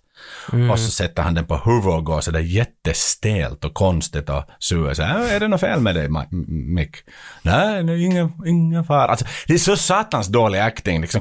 Varför har han glömt bort att skådespela killen liksom på de här 13 åren? Alltså det är ju riktigt såhär Pelle Hermanni. Riktigt. Sån par, alltså sån satans revy i Malax ser det ju ut som. Ja, det, det är under all kritik och jag vet inte heller vad som hände där för att inte, inte hade ju varit så här stojiga tillsammans i de här tidigare filmerna utan då hade det ju handlat om romans och liksom djupa tankar och nu är det någon så slapstick-humor som de försöker dra med varandra. Och det funkar exakt. ju bara inte. Jag tycker, jag tycker igen att det är bara som, det är bara en platt, som att se på en tom vägg. Och jag Mm. fattar inte, för du sa att Sue var rädd för spindlar, det mindes jag inte, att varifrån liksom han fick den informationen. Nej men hon, jag har för mig att hon var ju där när hon var där på, i, ettan. Om det nu var spindlar, men hon, insekter och grejer liksom, hon hatar ju dem. Jag tror ja, det, för det är någon nu minns spindel jag, jo, sant jo. Hon faktiskt, på hon despisar ju dem. Jo, Ja. jo, jo, jo. Okej. Men, men eh, snabba ryck, familjen flyttar till Los Angeles och de är plötsligt i en limousin och, och sticker till Jag kör förbi Randys Donuts, Tage. Det har jag också kört förbi. Nu vet jag inte om det finns flera Randys Donuts, men just den där kända Randys Donut har jag kört i en hyrbil förbi. Det vill jag ha sagt. Ah, i LA. Yes! Jag blev så glad. Jag kände liksom en connection där med, med Mick. Vad roligt. En annan som försöker känna en connection med Mick är ju limousinchauffören. Som, Mm. som hör att Sue jobbar inom media och är med där i bilen. Så han börjar berätta om sin CV och att han är mellan två jobb just nu. Och, och han ska bli en stor skådis men just nu måste han köra lite limousin. Och så börjar han dela ut sina foton till, till Mick och henne där liksom. Att hej, ta mitt actingfoto här. Och Ja, Mick, ja. Mick delar ut sina bilder till honom och missförstår situationen. Han delar väl någon bild till honom var han och sonen är och fiskar krokodiler eller? Ja, ja, exakt. Liksom en familjebild som han tyckte var trevlig att ge åt honom. Och han Ja, och där-. Och där igen så kändes det som bara, det känns bara så dumt alltihop. Jo, jo, jag håller med. Det är liksom verkligen kusinen från landet liksom och sådär. Och det, fan, killen har ändå varit i New York två gånger vid det här laget. Men, liksom, men det igen är det som att allt det där är bortblåst. Liksom, han har aldrig sett något, det, det, det mesta han har sett i byggnadsväg är tält liksom. Det, det, det, är ju det intrycket du får. Och sen då, ja. hoppa till nästa sen. Så kommer det mera. Nu, nu ska vi fortsätta med den här slapsticken. För då, då sitter han i badet och liksom han ska titta på TV i badkaret för det är så lyxigt, vet du, LA Home. Sån här Hollywood Home. Och, och förstås TV-kontrollen, den öppnar rullgardinerna i badet och sen ska, ska han snabbt trycka ner dem men då kommer han ju åt fel knapp så då börjar bubblorna i bubbelpoolen att bubbla och han blir liksom som alldeles häpen som att han aldrig eh, visste att en bubbelpool existerar.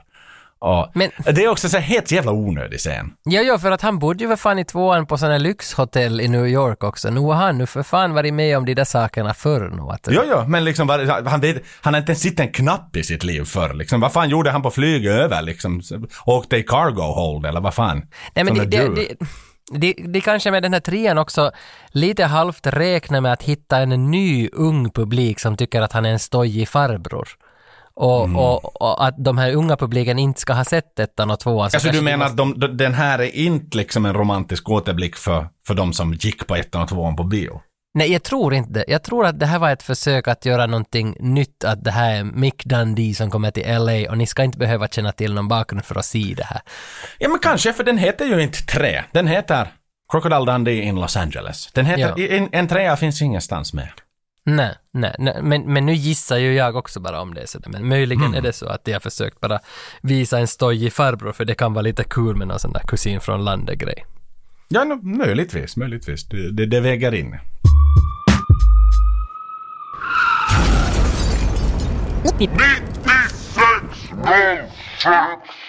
Nästa dag så är Sue på tidningsredaktionen, första dagen på jobbet där och grubblar över den här döda chefen då, att vad höll han på med innan den här bilkraschen och att han har tydligen jobbat med ett grävande case om en liten filmstudio som just har öppnat i Hollywood. Och i, i och med att han startade grävande caset att vad är det här för några gossar som har kommit hit och startat en liten filmstudio och tydligen har jättemycket pengar. Att vem är de här? Det är det som det är ett gräv på och så dör han i samband med att han har hunnit påbörja med det där. Att det, det är någonting mystiskt med det där så hon börjar rota i saken. En fråga till dig där, alltså har de grundat ett nytt mindre filmbolag eller äger de Paramount Pictures? För jag menar, så här lite spoilers ahead, men det är jättemycket som utspelar sig liksom på Paramount Pictures, liksom studio locations. Egentligen allt. Jo. Jo. Att, eller hur, är de någon sån här frilans, typ Tage, som hyr in sig hos de stora drakarna liksom för att göra någonting? Äh, Så, så tolkar jag det hela tiden, att, att det är ett, ett bolag som kommer från öst och, och de är ett nystartat bolag som, som ska göra filmer för, för den ryska marknaden. Och, och de har ingenting med Paramount att göra när det är att de filmar i deras studios. Så, Okej. så, så har jag tolkat det, men det kan nog hända att jag är way off. Men, men Nej men jag tror det ligger något i det, för, för det, ro- jag blev bara liksom att, att reflektera kring det där. Det är inte mycket reflektioner i den här filmen ska ni veta. Men, men, eh, men just där, eftersom det är ju Paramount Pictures som har producerat den här filmen, så det är ju deras film så att säga. Och sen är det lite kul att de upplåter då sina, sina premises liksom. Att de inte liksom jävlas och går till, går till Warner Bros eller någonting sånt här bara för att liksom titta för dålig styr de har på Warner Bros så det sätter en, en, en pik utan. De har ju liksom, filmen utspelar sig i deras studion. Så därför blev jag liksom fundersam att är de så pass modiga så att de så att säga vågar måla sig själv som ett skurkbolag? Men eh, sen klipper vi till en scen då, då Mick och sonen är ute på strandpromenaden vid Venice Beach och traskar. Och här är mycket tveksamheter som inte jag, alltså det är mycket, jag vet inte, sexism eller vad ska man säga med en åttaåring? det, det är en väldigt knepig scen för att den här sonen ser, ser massa Baywatch-brudar som han Alltså, som han då tycker är så vackra och säger att han har lärt sig liksom allting om dem via pojkarna på baren i Walkabout Creek. Att de Ja. sitter och gapar när de ser på Baywatch och han, han ska... ja, Och inte dricker gin och tonic. nej, nej, exakt. Hey, Dad, look, there's those girls from Baywatch. What? Baywatch on TV, you know. The girls are running funny like this. And Dunk and all the men in the pub go, whoa. What have you been doing in the pub? Oh, hey. Oh, I'm so sorry. It's okay. Ooh, muscle fatigue. What? Hey, do you know what time it is? It's about 12.30, maybe 12.35. That's cute. But you're wearing a watch.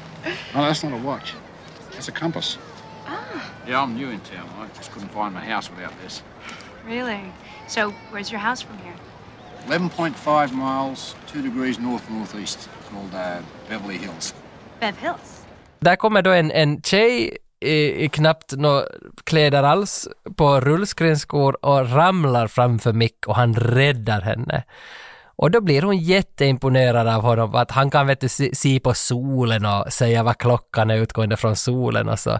För hon är ju sådär, du kan ju bara se på din klocka på armen som du har. Nej, nej, det här är ingen klocka, det är en fucking kompass som jag har på armen.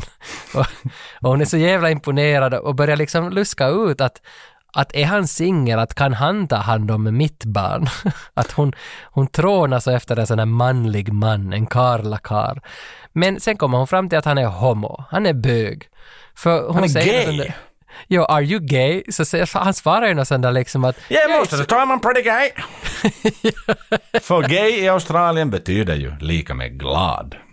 Ja, ja, och då, då är det bara att packa ihop för henne och sticka för att hon tror då att han är homosexuell.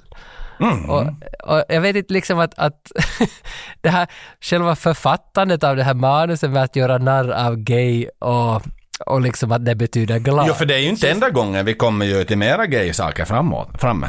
Jo, så är det, men det känns som att det är så, det är så dålig humor också då. Att, Ja, ja, liksom ja, ja, att ja. gay betyder glad, att han missförstod det där ordet och det bygger Ja, hela ja, ja men igen, det är så kusinen från land, det är så tunt det här satans manuset alltså. Det är så satans tunt det här manuset. Det är liksom... Ja, Ja, men vad fan, ett rederi ett avsnitt är mera välskrivet än hela den här jävla filmen. Och då har de igen haft, de haft 13 år på sig att skriva den här filmen. Men jag tror ju inte att de har börjat direkt 88 liksom. Well, we can't release it 96, we can't release it 97, we can't do it 98, 99. It has, it's not finished yet, it's not finished yet, it's, it needs to be perfect. Jag läste någonstans att eh, Mick Dundee, alltså Paul Hogan skrev manuset till den här 1990. Att på någon, Vad satan! Ja, alltså på någon flygresa för länge sedan så skrev han liksom ner massa idéer och ett manus och det skulle kunna vara en trea, men det blev som aldrig av och inte vet jag vad som finns kvar Säkert mellan. Hobart och eh, Melbourne, den flygresan tar en halvtimme. Ja. så känns det ju ungefär. Jo, och jag vet inte heller att hade någonting kvar av det vad han skrev, men han hade i alla fall när filmen var klar, skulle också ha velat vara krediterad som, som, som writer, för han hade gjort mycket rewrites på de här nya författarnas manus också, men han blev inte krediterad som writer sen. Mhm. Inte vet jag varför han skulle fan ha velat det. Nå, kanske för pengarna förstås. bara No, money, money talks. Det är väl royalty feast kanske där också. Ja, nog är det väl det nog. Och sen tillbaks på redaktionen då så får vi ju veta att äh, Sue har fått tag i några spår kring den här döda företrädarens scoop och- börjar liksom märka att det är något fuffens filmbolag på spåren. Här, här äh, märker du vem birollen är? Hennes, hennes äh, kollega på arbetsplatsen, Nej. eller hennes underordnade. Det är ju ingen mindre än Tonys syster Janice Soprano. Ah, faktiskt ja, nu när du säger det, jo, jo, det är ju Janice. Nu Jag blev så jävla glad.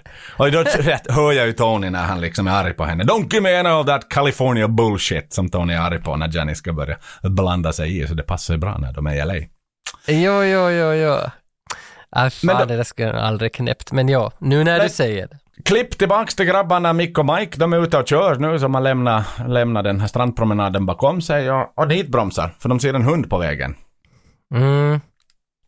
Och här Ja, de börjar måste- det bli riktigt dråpligt Tage. Ja, de ska väl rädda den här hunden då, stiger ur. Alltså det är ju en stor freeway med massa bilar, men de ska nog ändå liksom så dumma, bromsa in mitt på vägen. Nitbromsa, inte liksom några varningsblinkers och köra in i filen liksom eller något sånt här. Nej, nej, de ska ut ur bilen och rädda den här hunden och inser att det är en skunk. Och sen gör man parodi på hela Amerika direkt, att någon hör att de, de har en bomb och så börjar alla skrika att de har en bomb och plötsligt Trasiga telefonen gone wrong om du jämför med tunnelbanescenen där everything went right. Jo, jo, jo. Och sen ska det liksom... Plötsligt är ju där några 500 polisbilar och två helikoptrar och allt att det är en bomb på the freeway och... Uh, jag vet, det känns, det känns bara som att det är så dåligt. det är så satans shit. Och det blir så här pinsamt och sen hemma då så är det på varenda nyhetskanal liksom. Och, och, och han försöker igen fumla med den där jävla TV-kontroll. Han har inte lärt sig någonting liksom från, från badstunden utan då är det en annan TV-kontroll och den lyckas han ju bara byta kanal och sen ställer han sig liksom framför TVn så att Sue inte ska liksom se för vi håller det mellan oss grabbar var ju liksom överenskommelsen där med Jo. med den här lilla incidenten som man ändå kan kalla det. Ja, ja. Nej, nej, alltså den här scenen tar också upp tio minuter av filmen och jag förstår inte varför den, varför har de låtit den ta upp tio minuter för den är, den är ju dåligt spelad och dåligt skriven och dåligt, då filmad kan man väl inte säga, den är väl helt okej filmad men, men det är liksom, det, alltså vad, är det nu läge att börja göra parodi på amerikanernas liksom lätta stubiner så att säga? Jag förstår inte, för de, de är ju så snabbantändliga men det är ju också bara en parodigrej på amerikanerna. Det här ska väl handla om parodigrej på kusinen från landet, från, am, på Australien. Att måste de också dra det till att au, amerikanerna är sådana här, alltså pastischer. Äh, Ja, ja, ja. They're all fucking stupid. Är det liksom, jag vet inte vad andemeningen med manuset var då på den här flygresan mellan Hobart och, och, och Melbourne. äh, det här är nog kanske filmens sämsta scen. Ja. Nåja, vi, vi, vi lämnar den bakom oss och går på galamiddag. Och, och, Jo, och- då kommer nästa dråpliga tillställning för då ska han ju ge Valley Parking, killen, eh, nycklarna och så plockar han ju upp honom och trycker upp honom mot bilen och då blir det ju naturligtvis ett missförstånd att att han snor inte en bil, han ska bara parkera den och ha ha ha ha ha vad kul. Nej men alltså det, det är så lågt. Det är så satans billigt alltså. Leslie Nielsen, bring him back to life, kom igen nu. För nu, nu är de ju liksom helt gett sig in på det här komedispåret. Nu är det liksom just i det här skedet och scenen innan, det är som inget, det finns ingen action. Utan nu, nu ska det bara vara humor och det ska, folk ska sitta och vrida sig av skratt i biosalongerna. Men så fel och så platt det blir. Jag tror faktiskt att ingen vred sig av skratt. Alltså Det är inte den enda. Jag tror inte. Det är så skit. Inte ens Mikes riktiga föräldrar, alltså den här, vad hette han, Firedick, liksom. Nej. eh, Inte ens hans föräldrar när de gick på premiären i Australien så tyckte att det var speciellt ro, roande och roligt. Sa du att han hette Fire Dick? Nå, vad hette han då? Inte minns jag. Serge Cockblock tyckte jag att... Cock, cock, Cockburn. Cockburn, ja. Cock- No, Firedick är inte långt ifrån. Nej. Och där hittar ju Mick någon kompis där inne på galamiddagen. Vad fan, han pratar om kaffe. Man ska liksom inte dricka det utan ska man liksom köra upp det i baken på något sätt. Man, alltså man ska köra upp kaffe med någon ven i röven. Alltså så, Vad fan så är det? Jag vet inte, det är någon sån här It's LA. Det är, liksom, Ja. jag, jag, jag vet, det är nog någon ny metod för att hålla sig ung. inte vet jag inte. jag har inte hört om det där innan. Och inte efter heller. Det här filmbolaget har gjort någon film som heter Little Agent. Och Yes. Little Agent hade gått jättedåligt. Men de har ändå gjort Little Agent 2 för en stor Och tre budget. tror jag. Ja, och den här festen som de ska på nu så är för Little Agent 3. och, och det är det som väcker hennes suspicion liksom att en film som ingen går och ser, varför sätter man 100 miljoner dollar på nytt på att göra en tvåa och en trea ännu till? Att det är väl det här som väcker de här, varför de far på den här festen och för att se att vad är det för folk som är med i de här filmerna liksom. Ja, de hade väl till och med annonsat fyran, tycker jag att någon eh, Ja. karaktär säger lite längre fram i alla fall. Ja, det, Och här- jag tror det är Mick som säger det ja, till den här ena, ja, att det ska komma en fyra. Och här får vi ju träffa eh, Rothmans eh, hantlangare Mylock, som ju också är ett välkänt ansikte lite längre fram i tiden, nämligen Mike från Breaking Bad, som spelar någon ryss. Ja. Ja, Mike Ehrmantraut heter han väl i Breaking Bad. Jajamän. Och till, till det roliga hör att här på vårt kontor så har jag en sån där wobbly doll av Mike Ehrmantraut. så, av just av den här karaktären. Jag har ingen aning vad han heter på riktigt den där eh, killen. Men han, uh, inte kan jag några andra roller än den här Mike i Breaking Bad heller inte men. Eh, Jonathan Banks.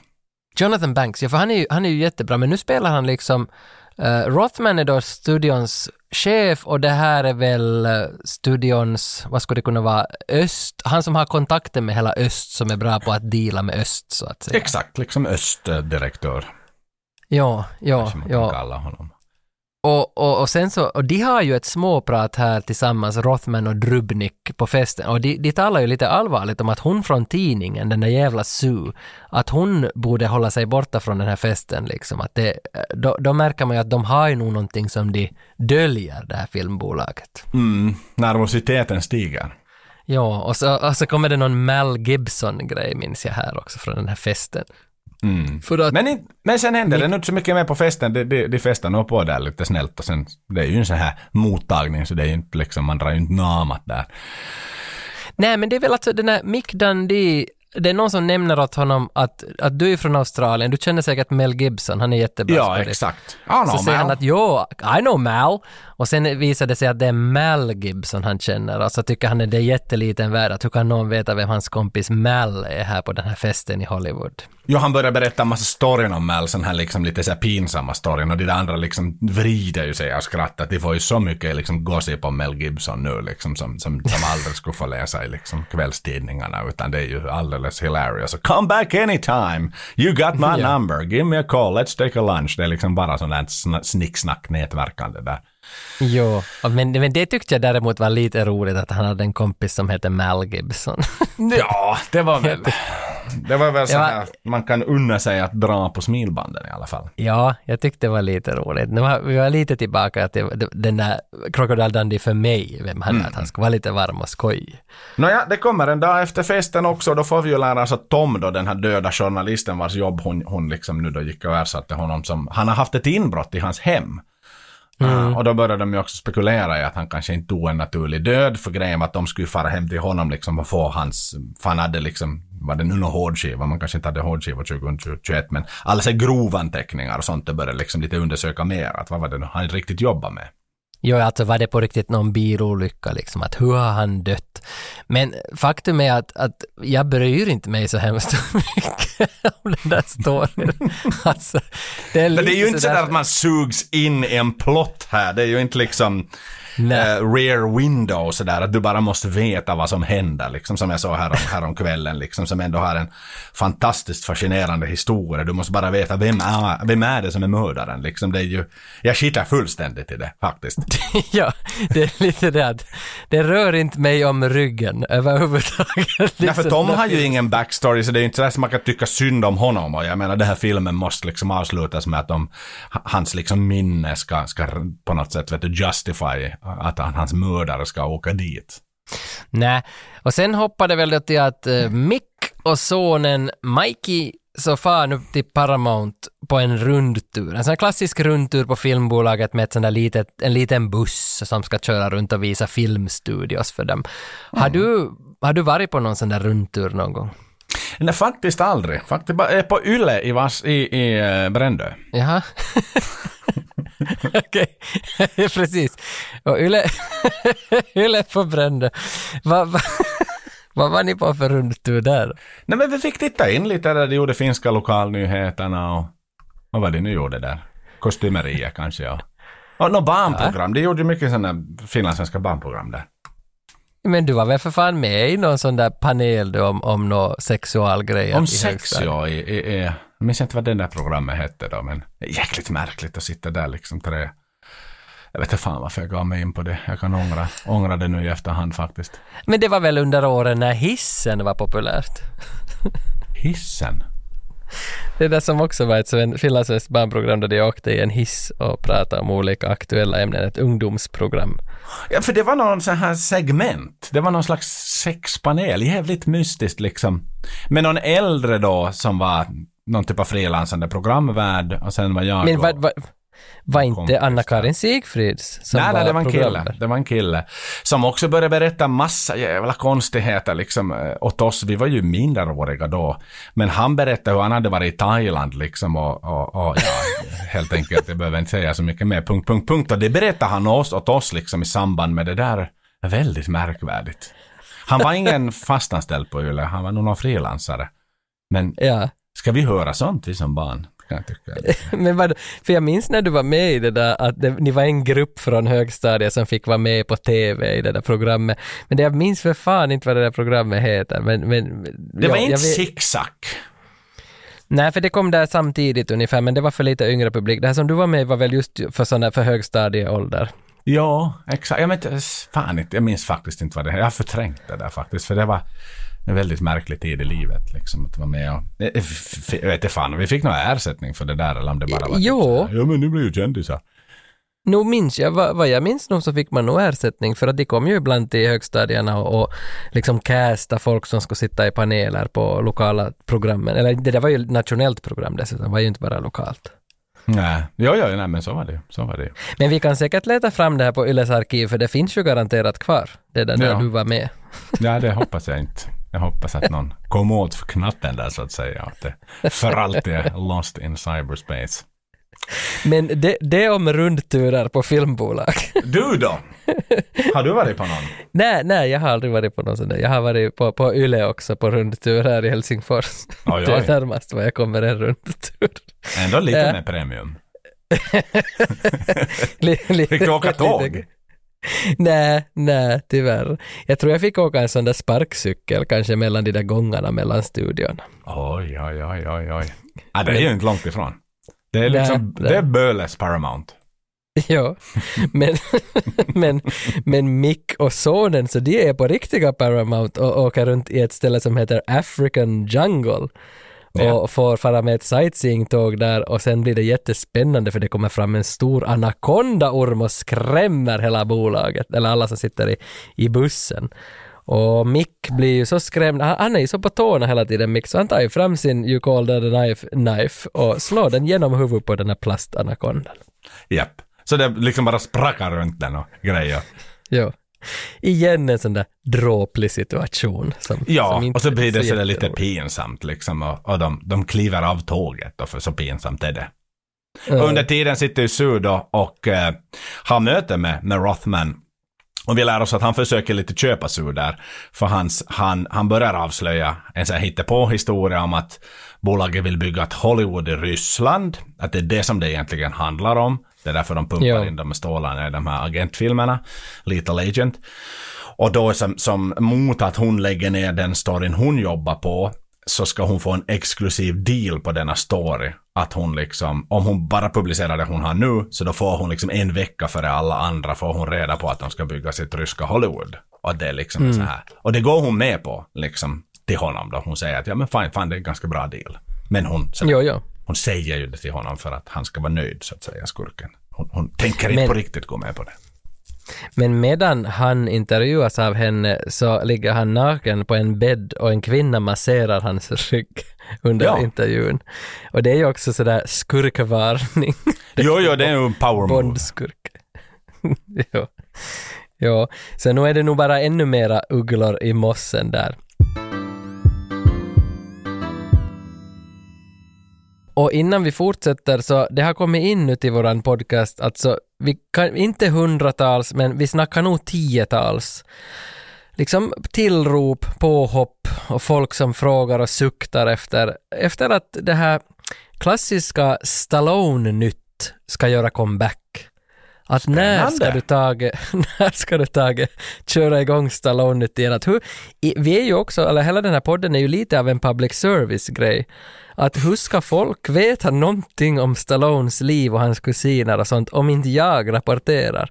Nej men det Och nu när ni... Rimligt resonemang. Och när de nu en gång är så där många som hör av sig så tänkte jag nu att vad fan, nu måste jag väl också kunna dra mitt strå till stacken och liksom hjälpa till att vi får en slags utbildning här så without further ado så jag tycker att vi rullar den gamla vignetten för Stallone nytt och så kör vi igång det här segmentet igen. Tage Hjärta Stallone Tage älskar Stallone I love that guy. Back by popular demand. Nu i veckan så har Sistine Stallone, en av Stallones fem döttrar, hon var hemma vet du och rotade i lådorna lite grann och hittade ett hårband eller ett slags diadem, ett sån där gammal 90-talsgrej. Och nu satt hon det i håret Hon sa att hon hade använt det senast i lågstadiet och så satte hon ut bilden på Instagram och fick 500 kommentarer över hur vacker hon var med sitt gamla hårband eller diadem i håret. Jaha. Amerika firade fars dag här igår och Sylvester Stallone är ju också pappa då till flera barn och han la ut bilder på sig och sina döttrar och finns, fick också massa glada tillrop på hur fin pappa han är. Så grattis på farsdagen, Sylvester. Och så då sista nyheten att frun Jennifer Flavin Stallone, så hon gör just nu reklam för realityserien The Family Stallone.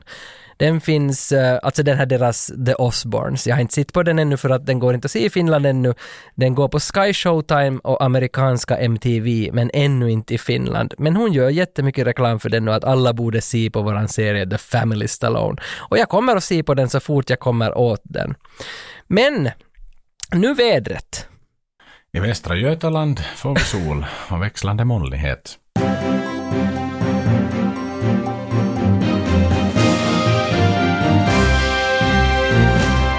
Mike ska börja skolan i USA.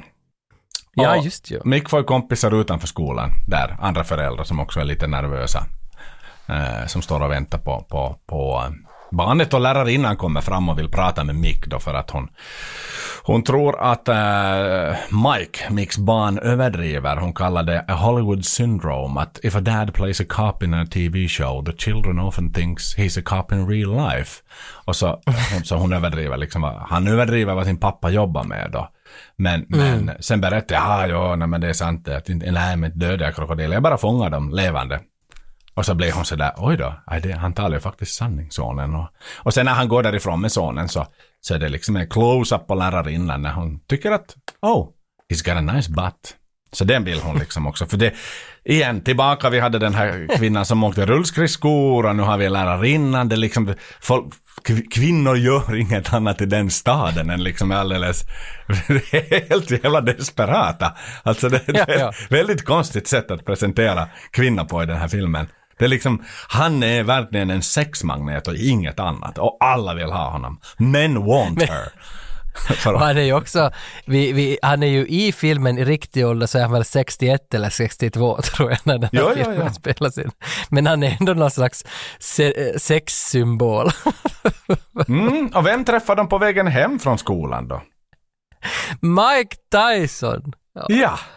Det är så konstigt. Alltså, varför träffade de Mike Tyson? Jag, hitt, jag, jag hittar ingen story på det här. Varför, varför är han med? Jag hoppas att du vet någonting. Ingenting. Ja. Ja, det är ju långt innan baksmällan-filmerna också, så vet jag fan liksom. Eller var det den typen av gig han fick Tyson? På den här tiden? När, alltså det här 2001, när slutade han slåss då? Ja, när bet han av öra och, och, och liksom, vet jag, för nog 90-talet. Kanske han gick några sådana välgörenhetsmatcher i början av 2000-talet, men jag gissar nästan att hans liksom aktiva karriär måste ju, kan ju inte ha hållit på på 2000-talet. Det här är killgissning. Nej jag, jag, nej, jag vet inte heller, för den här scenen är också, Mike Tyson sitter i en park och gör meditation. Men han spelar så- sig själv. Han spelar sig själv, ja, för då kommer Mike och, eller Mick och Mikey fram till honom och så blir han sådär att oh, so you're Mikey, you're Mick and I'm Mike. Och så är det liksom det som är kul att de heter nästan samma allihop. Mm. Men det är därför de lite castar honom. Bara för det. Det måste varit det. Och sen, sen gör de lite meditation tillsammans och blir lugna i själen. Och det, jag, jag förstår inte riktigt varför de går fram till honom från första början. Oh look dad, there's a guy doing meditation in the Nej, park. han visste, han undrar vad det är han gör. Och sen är ju också så här, vet du, kusinen från landet då som, som Micke, well you go, better go and ask him, liksom igen sådär. Bo, Ja. bo, hur många miljoner människor är det enda stan? Ska de gå och fråga varenda människa de möter, hej vad gör du? det är också jättemystiskt liksom. Hej, titta en människa. Vi måste gå och fråga vad den gör. ja. Hey, Dad, what's that man doing? Dunno. Let's go and ask him. Excuse me, mister. What are you doing? Well, I'm meditating, young man. What's meditating? Um, meditating is a, a special place I go in my mind where there's no distraction and I receive a great source of power. Cool. de har ju på något vis fått kontakt med Mike Tyson, eller någonting har ju hänt så att de fick skriva in honom i filmen och de har ju säkert skrivit in honom den där samma dagen ungefär. Mm. Att de kan ju inte ha kontaktat honom flera månader på förhand och bett honom spela en meditativ kille i parken, utan det, det måste ju ha hänt sådär plötsligt. Det där. Nej, och sen när han sitter kvar, killen springer iväg, Mike springer iväg, eh, lille Mike då, så, så sitter Mick kvar där. I'm gonna ask you, I need to ask you a favor, Mick. Mike. Everybody wants a favor from, from Mike. I, I need you, I, så han liksom låst sina ben och han behöver hjälp upp. Det var det som var favoren. Och det var liksom Ja. sån här ha ha ha ha ha ha. Vad roligt. Mm. Ja, ja, äh, nej, det, är full, det, är mycket lågvattensmärken här längs, Ja. längs resan. Och det mera blir det, för nu är de hemma äntligen efter skolpromenaden och han tittar på TV och förstår inte sig på klapp on klapp off lampor utan han skulle kl- klappa någon jävla mygga eller någonting och då blir han så häpen när lampan far på och far av. Men alltså det där har vi ju sett liknande humor av redan flera gånger, att varför måste de ösa på med de där scenerna? Mm. Verkligen, verkligen. Det skulle jag kunna liksom göras lite mer vuxet. Det känns som att det är så plojigt hela tiden. Att varför satsar de inte, gör, det lite, lite mer vuxet? För det var ju ändå lite kul i ettan och tvåan att han var den här som inte förstod riktigt. Och, men Nej, kanske det exakt. var lite, lite smakfullt då kanske. Nu var det inte alls något smakfullt. Mm. Men, men där hemma, just i den där scenen så, så misstänker ju Mick att den här filmstudion, de har, det här är säkert bara en front för knarksmuggling och, och, och, och det är därför alla, det är så liksom mycket hysch-hysch kring den här firman och, och Mick föreslår att han ska börja jobba på filmstudion och fiska fram information till sin fru. Mm. Att och som en det- att insider. det skulle- Ja, ja. Och det går hux flux så får han jobb som en statist. Exakt, han och han betonar ju verkligen åt sin fru att han vill vara mer än en hemmapappa. Att han är liksom lite nervös över hur hans son ska se honom. Om han bara är den som går till och från skolan med sin son. Att han vill liksom visa att jag kan liksom ta ett, ta ett föräldraansvar också och dra in lite pengar. Och det gör han ju nu, för nu fick han ju jobb som statist. Mm. Han ska spela en tysk vägarbetarkille och, och gå som en idiot. Jag, jag, jag fattar inte. How does a German walk? säger han. Och så, Ja. och så när kameran rullar så börjar han gå jättekonstigt för han tänker att tyskarna går så här. Mm. Och han vet kommer- säkert jättebra. Han har tittat, tittat på sina tv-program i puben där i, i Walkabout Creek på hur tyskar går. Jo, jo, jo. Och så kommer huvudskådisen springande mot honom, det är mitt i en scen. Och så tar han en sån där, vad heter det där wrestling-tricket när man sätter ut en arm och så springer de rakt i armen och så faller de ner på ryggen. Mm. Jag är ju inte en wrestlare fast jag skulle vilja, men jag vet inte vad det heter. Han heter det sån här chainsmokar honom? Jailbreakar honom? Det Jag finns ju vet, ett han namn för plockar det. ner honom kort och gott. Nitar har plockar. jag skrivit i mina anteckningar. Okej. Det finns en wrestlingterm som han gör, det är det exakt det där. Jag vet att vi har några wrestlers som lyssnar på det här, så nu skäms jag. Men, så, så det är det. Han tailgatar honom. Och så- och, men det är också det där att hur dum får man vara? Alltså så där dum människa är ingen. Han vet ju att de filmar just nu och det där är skådisen som han inte ska röra. Ja, Och, och så, så slämmar han ner skådisen. Jag, jag, jag fattar, det, in, inte ens en dum människa gör det där, så jag fattar inte varför ska han göra det? Nej, exakt, men han lyckas ju komma undan med det. Liksom han var, ja, jag försökte, han höll på att ramla så jag hjälpte honom. Så här, Jo. lindrade hans fall eller vad det nu var. Och de köpte det. Ja, nej, ja, nej, nej, alltså, nej. Och i skolan då sitter unga herr Mike och ritar och lärarinnan har blivit alldeles begeistrad i sin nya krokodilbok som hon har köpt. Och en råtta dyker upp i bokhyllan. Uh, Mike kastar någonting, en bok eller någonting på den. Så att den svimmar. För man ska Mm. inte, vadå, döda något om man inte ska äta det. Nej, Ja. nej, nej, det här, Och de är jätteimponerade när han kommer fram med den avsvimmade råttan och sen hör man så här innan, innan scenen klipps ut så hör man en klasskamrat så här Mike's my new best friend. Liksom sådär för att visa att sådär titta så cool han är. Mm. Det, liksom, det måste de Ja. få in där i slutet liksom att, så att han håller på och det de vill ju berätta med det är ju att, att Mike håller på att bli populär. Han håller liksom, han är inte som sin pappa som är en outsider och kommer att bli mobbad utan det är snarare det där att liksom klassens sammansättning kommer liksom att, att, att grundas runt Mike. För tidigare fanns det säkert någon annan favorit i klassen när han ännu var tillbaka i Australien. Men nu, nu Jo, får jo. man liksom intrycket av att han är en väldigt populärt barn.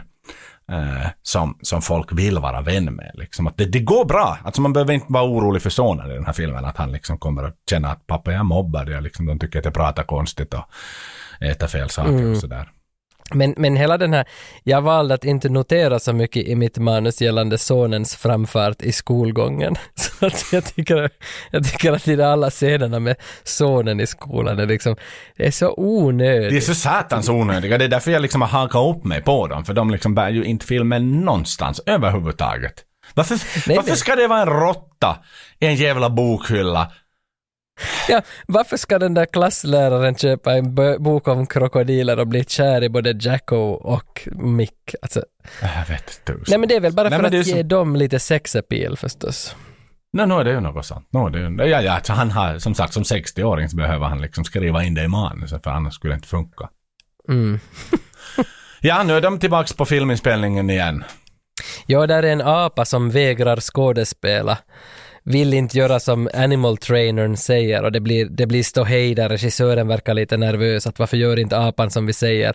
Men som tur finns ju den som spelar den här tyska vägarbetaren, statisten Mick Dundee på plats. Men Hans- nu Sved.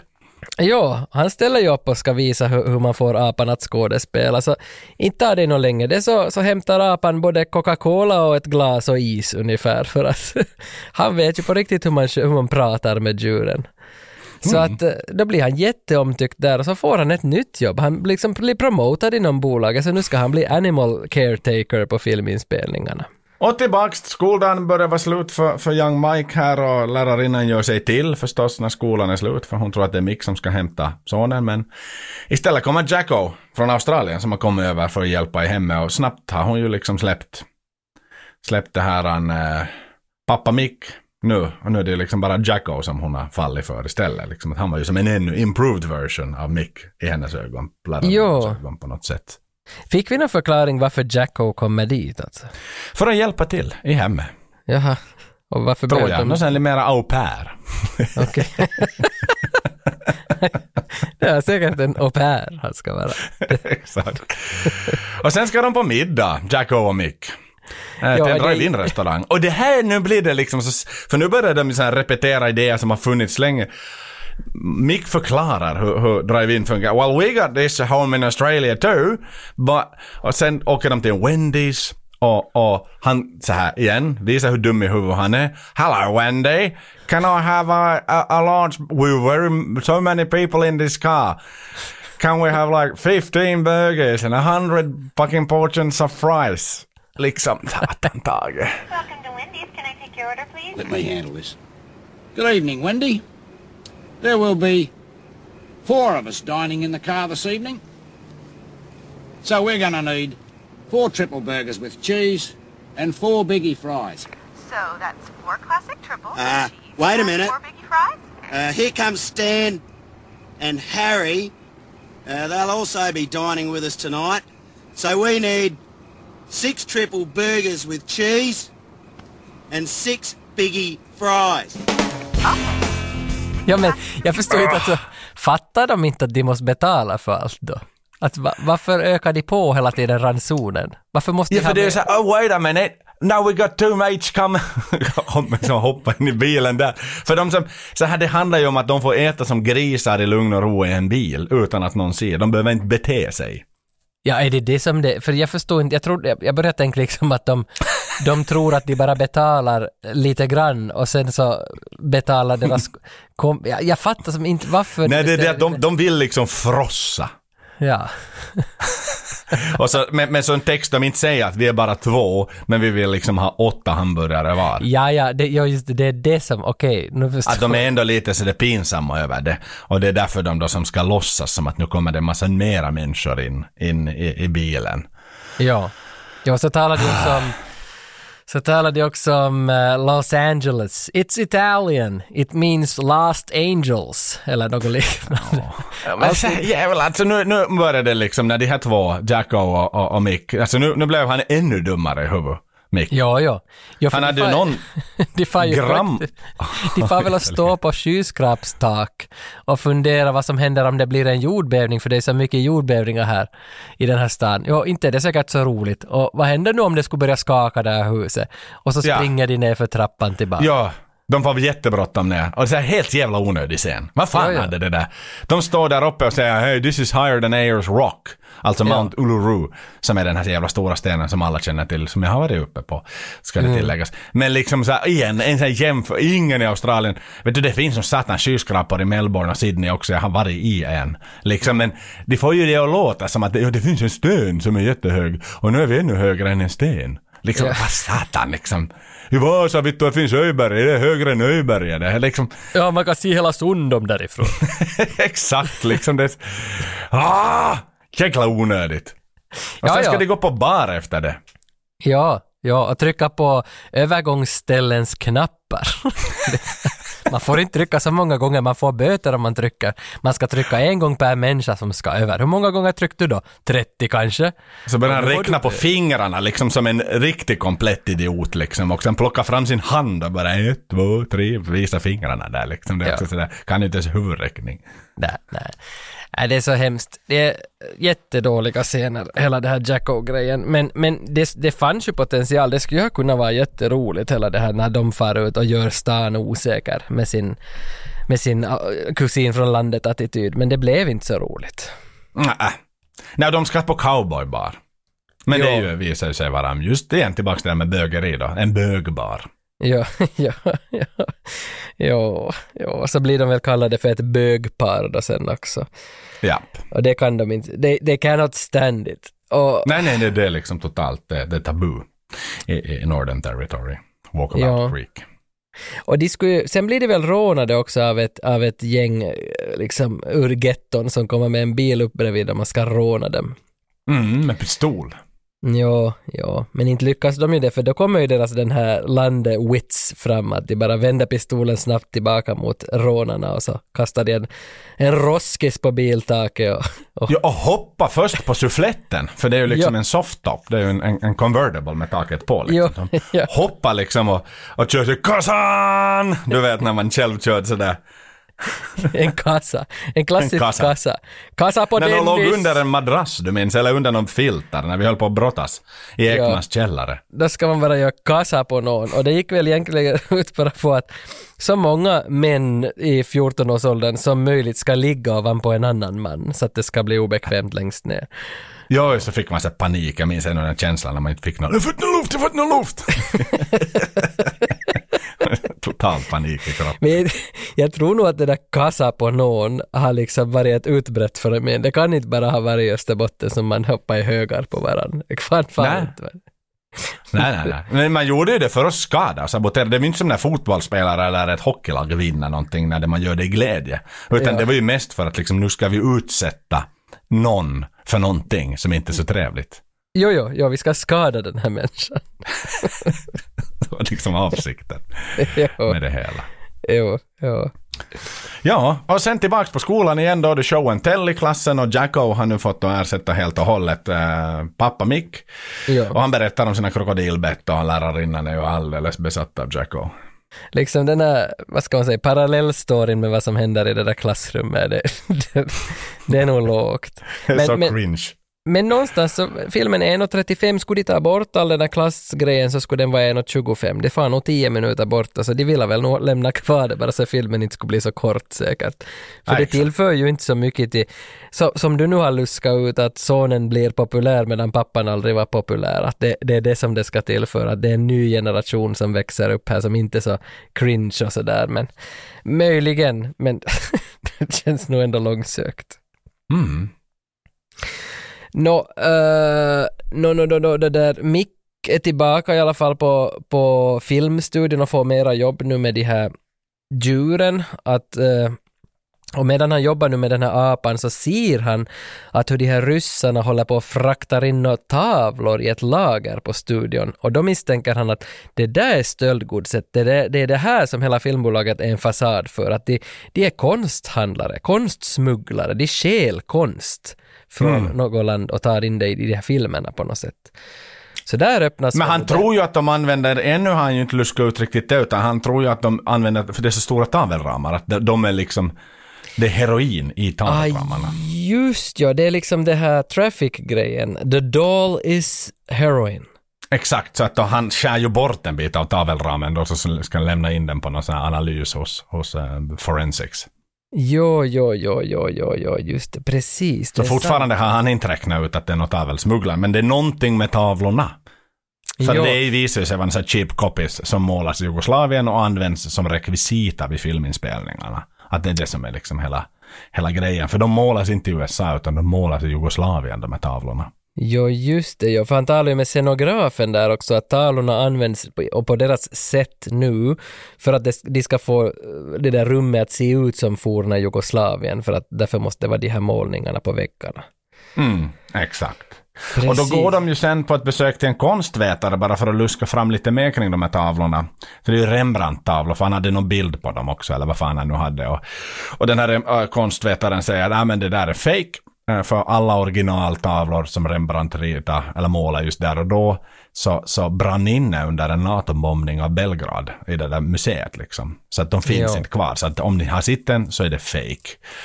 Just Men eh, då börjar de liksom börja fundera, att, men vänta, nu, de här kom ju faktiskt från Belgrad, från Jugoslavien. Att kan det då vara så att eh, tavlorna faktiskt avlägnades innan NATO-bombningen?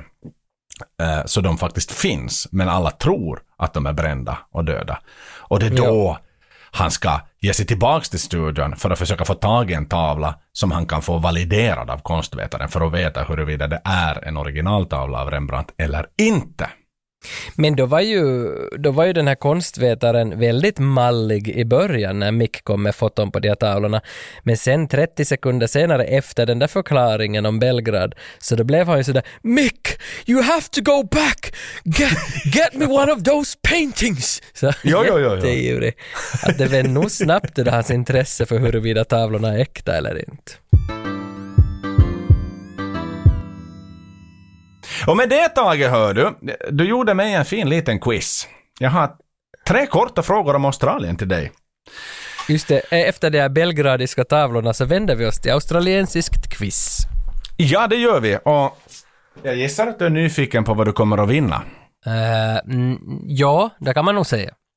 Tre frågor, du måste ha minst två rätt. Mm. Och då kommer du att vinna det här.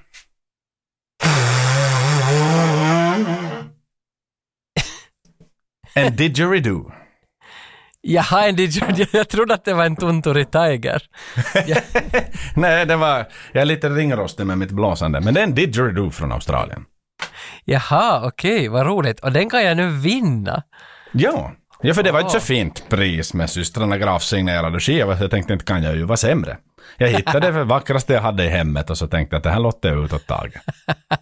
Va, vad hette det andra som, när du har varit, i Australien och kom hem efter ett år så hade du med en svart kräm som man bröd på smörgåsar. Mm. Vad hette den där krämen som man brödde på? Vegemite. Vegemite. Det var nog jättegott, det minns jag. Nej, det var jätteäckligt. Jaha, Men okej. du tyckte det var gott. Okej, är du redo? Första frågan. Ja. Vem har spelat in mest pengar av alla australiensiska skådespelare i Hollywood fram till 2019? Fram till 2019. Ja, Okej. Okej. totalt sett. Nå, alltså jag tänker bara egentligen att det behöver ju nog vara Mel Gibson skulle jag tro. Men å andra sidan här finns ju också, vad fan, Nicole Kidman är väl australiensare? Det stämmer. Uh, Ja, du har ju en ganska liksom bred palett med folk att välja mellan. Jo, det är ju Hugh Jackman är väl också australiensare. Jajamän. Sen och han har en... Fan, Hugo han är ju en... Weaving har du. Erik Jo, Bana spelar just- Hulken. Kate Blanket. Där är ganska, ganska många... Kate Blanket. Det är inte Kate Blanchett, utan det är Kate Blanket. Så säger man i Australien. En, en, okej. men, men alltså, jag tror nog att på magkänslan är nog att jag, jag går nog på Mel Gibson, för han känns som att han har de största titlarna ändå. Så Mel Gibson... Sen har du ju din kille från, eh, från eh, Gladiator. Russell Crowe, ja. Men jag tror inte att, att han har så det inte, nej, nej, nej, alltså Mel Gibson känns ändå som att det är han som har fått störst betalt för sina filmer. Han har varit mest populär och, och, och herremännen får mera betalt än kvinnorna. Här. Alltså, Mel Gibson är nog mitt, eh, det är mitt svar. Mel Gibson.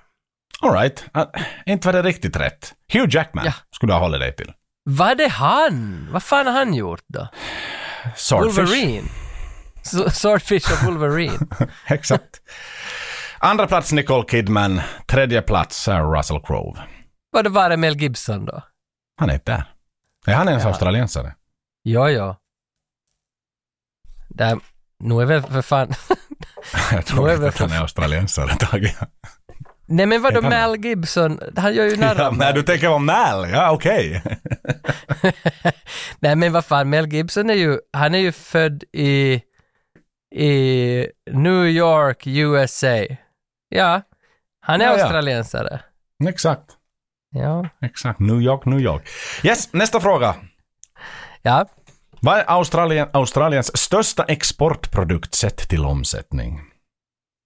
Vad, vad, vad exporterar de mest i resten av världen? Vad är det för tavara? Vad är det för saker? För mojänger? För prylar? För Ja, grejer? Och nu om inte jag tar det här så blir jag utan didgeridoo.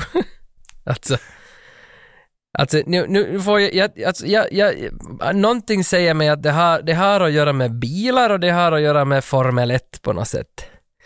Att, att, att, eh, jag skulle kunna tänka mig att vet du, någon sån här bilringsmärke, någon sån här Bridgestone eller något sånt skulle kunna vara australiensiskt och att det, det är bilringar. Ja, ja, det är nog, för att något annat, inte är det någon matprodukt skulle jag kunna tänka mig, nej.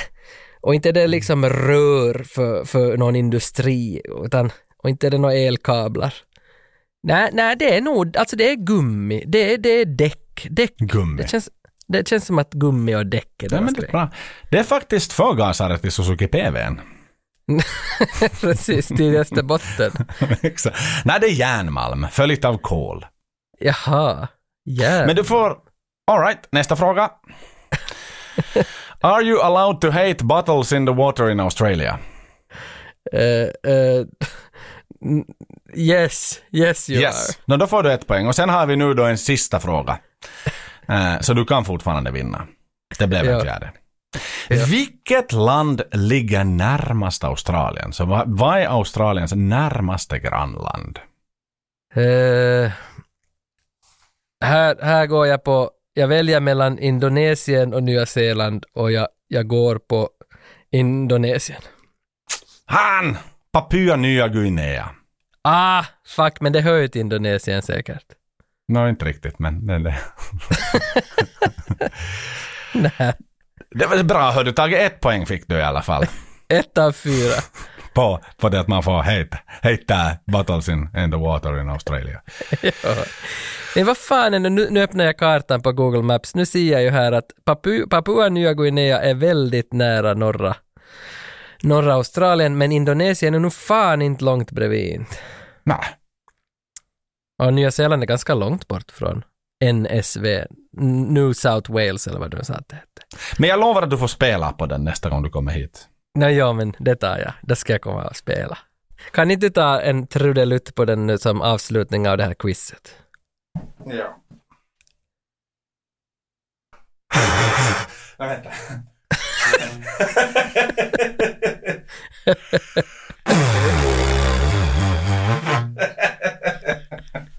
Nej, det låter... Grejen är att man ska, säga, man ska cirkelanda. Andas. Alltså man ska, det finns någon sån jävla teknik som, som äh, aboriginerna har, att man liksom andas genom näsan och blåser ut. Så att du aldrig liksom, det blir aldrig ett avbrott i blåsande. För när, man, när vi var där ute då på, i bussen och lyssnade på någon sån här organiserad aboriginkonsert med, med didgeridoer, så, så liksom det bara, det fortsätter att låta hela tiden. Det slutar Ja. liksom det ljudet och då är det så att du andas runt. Men jag kan ju inte, jag, jag har inte lärt mig den tekniken. Jag kan spela på Vuvuzela, det där som var populära 2010 på fotbolls-VM i Sydafrika. De, Mhm. de, de kan jag spela på. Men det, det är nog inte bara någon sån här plasthorn. Jo, ja men jag kan spela på dem. Okej, grattis. det var ju också ett ljud som aldrig slutar. Nej, nej, nej, det är jävla Men det var ju roligt, på, på YouTube fanns ju en knapp för Vuvuzela, att man kunde ha Vuvuzela på på alla filmer man såg. Där folk var så irriterade på de där Vuvuzelarna minns jag.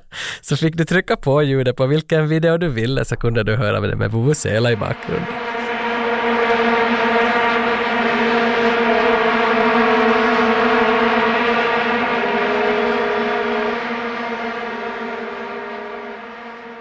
Och nu då? Nu tar vi oss tillbaks till filmstudion för möjligtvis sista gången. Mick Dundee är där för att hitta bevis och han kommer inte att ge sig denna gång. Uh, där också när han är där och letar efter bevisen så har ju de där filmmogulerna, då vad det nu hette, Rothman och Drubnik, de har något märkligt möte med varandra som jag aldrig riktigt fattar vad de sa och jag orkar inte spola tillbaka för att höra på nytt vad de sa. Alltså det var någonting om att de ska bränna målningar i sina filmer för att, vi, för att då, då dör målningarna sen för evigt i de här filmerna. Men, men inte skulle de ju det, de, de fraktar ju dessa satans målningarna. Alltså de, de smugglar ju dem. Mm. Jag, jag förstår inte riktigt den här logiken, vad de skulle göra egentligen med de där målningarna i filmen. Att varför måste de vara där på studion, de där? För att han hade ju någon sån där teori, den här filmmogulen, till sin kollega liksom att du fattar inte filmbusinessen, för den här kollegan var ju sådär att vi kan som inte, varför måste vi hålla på med den här jävla filmbusinessen, alltså det är för riskigt, kan inte vi bara smuggla de fucking tavlorna? Du fattar Ja. inte på filmskapande, att vi lagar de här så får de brännas upp de här tavlorna på film så vet alla att de här tavlorna har nu brunnit. Men jag, jag begrep aldrig riktigt vad den där motiveringen var, att varför hade de ens kommit till filmbranschen överhuvudtaget? Det som bygger på hela filmen liksom.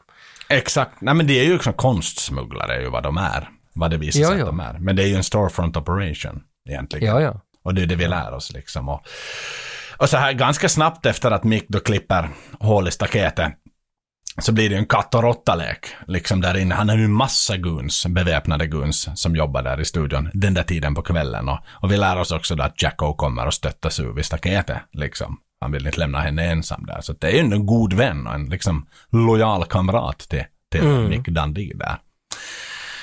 Uh, Mick springer iväg med en av tavlorna och beväpnade män börjar ju liksom söka honom som springer runt med tavlan.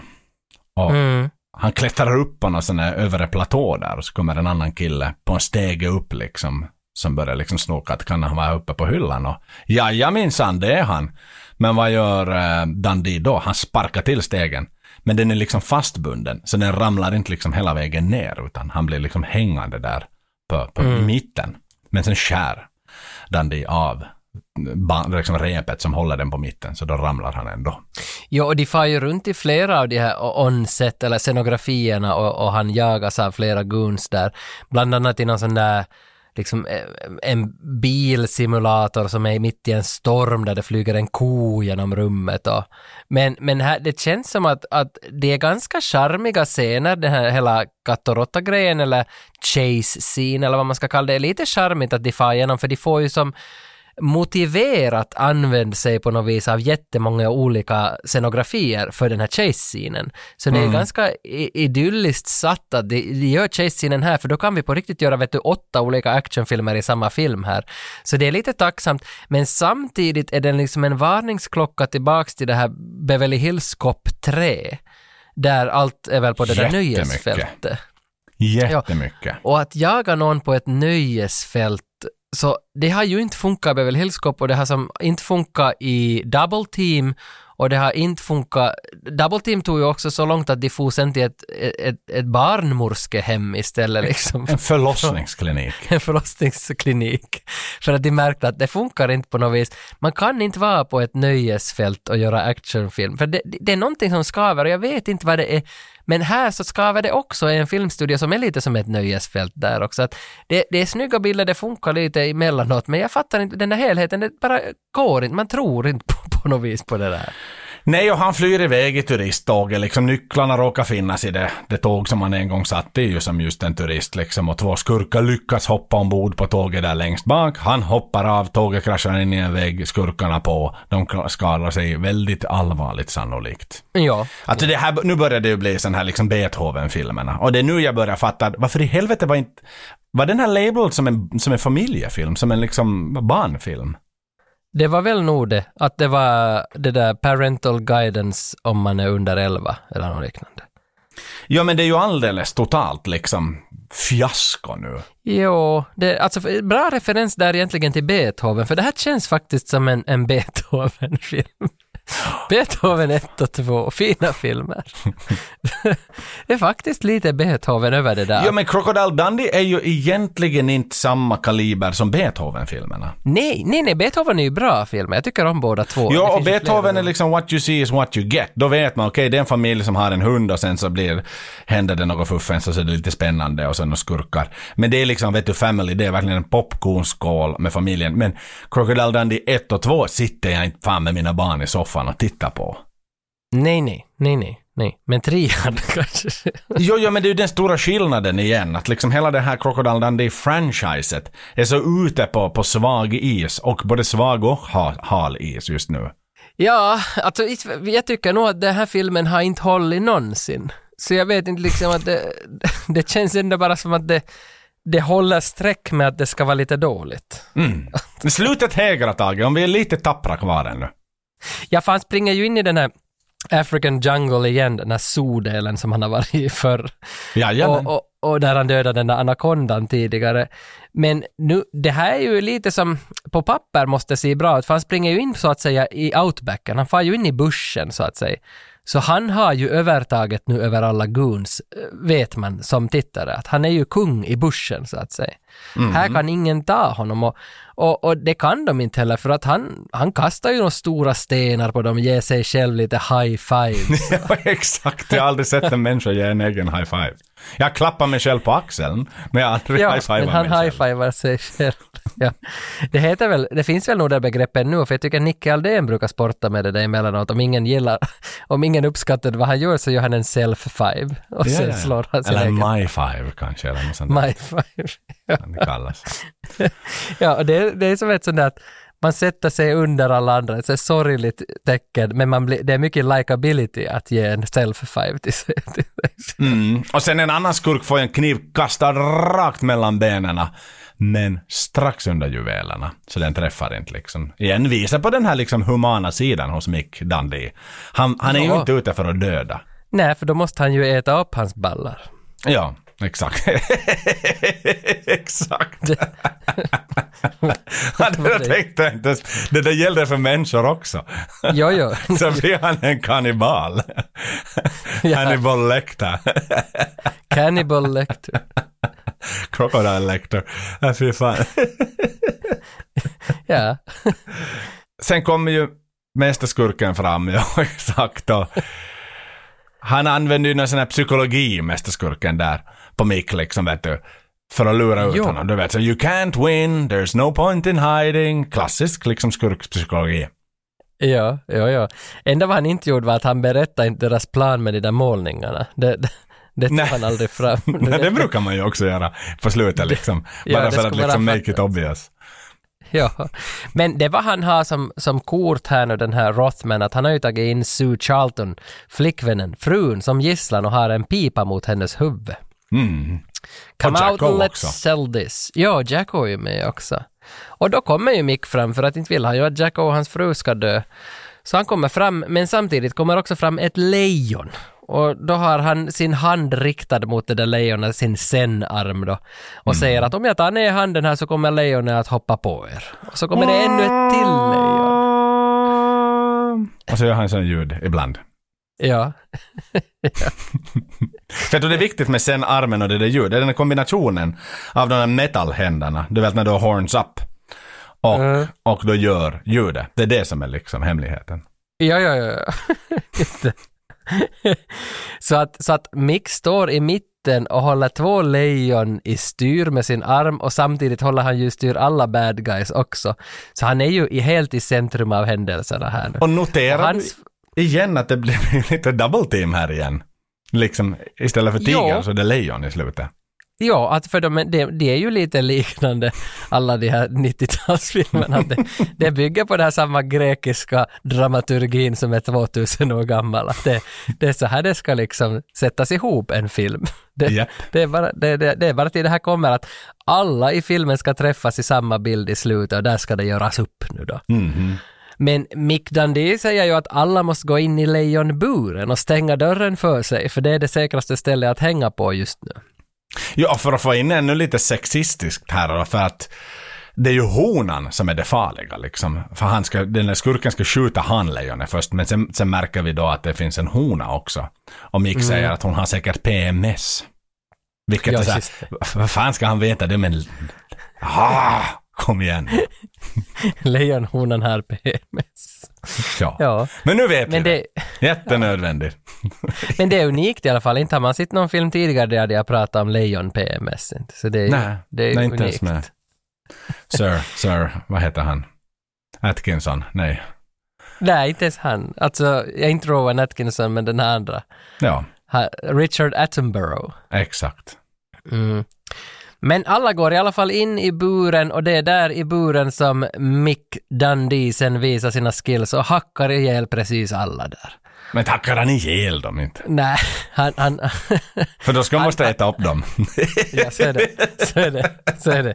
Utan han, han, han får dem att svimma av med sina skills i taekwondo, vet du.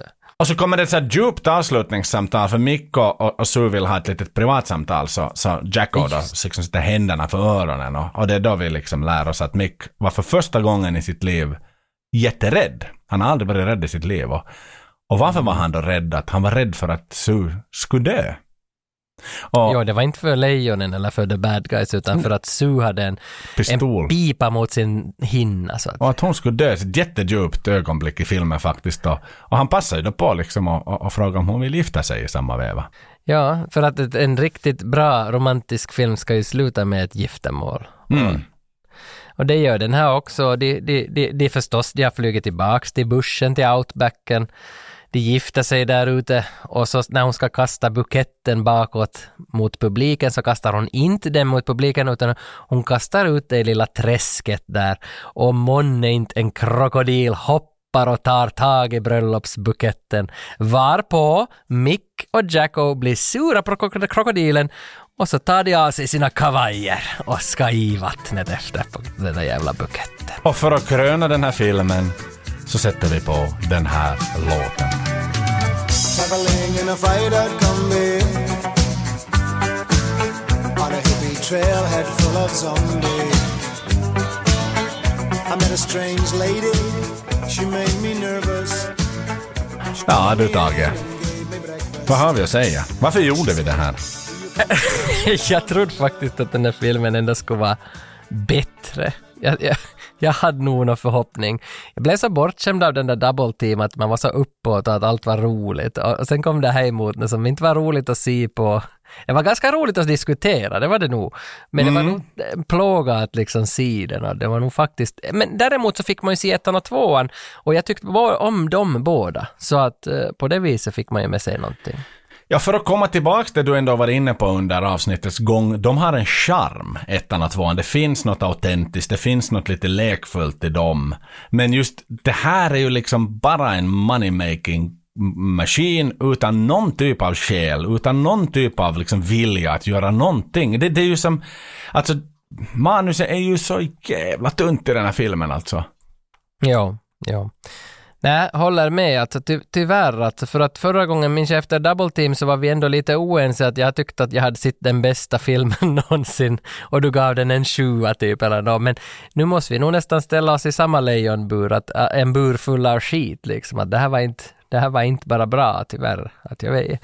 Inte för att jag nu hade så jävla stora förhoppningar att den skulle vara bra heller eftersom jag hade nu bara sett den en gång och säkert för att jag inte tyckte om den då heller. Nej, nej men alltså det här är ju, det tar ju liksom, hela franchiset tar det ju ner. Och man gjorde ju aldrig någonting efter det här. Jag tror att man gjorde någon reklamfilm med all, alltså som var här Visit Australia. Som byggde Ja. på något sånt här, eh, Where's Mick Dundee. Det såg ut som en trailer, liksom. Som att det skulle komma en fyra. Men då var det, vet du, med alla. All, typ till, till och med Nicole Kidman var med i den. Men det var bara så här, vet du, Visit, Visit Vasa. Liksom bara för Australien. Liksom reklam. Ja, för det var väl på Super Bowl det där tror jag. Så då var det Chris Hemsworth som spelar Crocodile Dundee.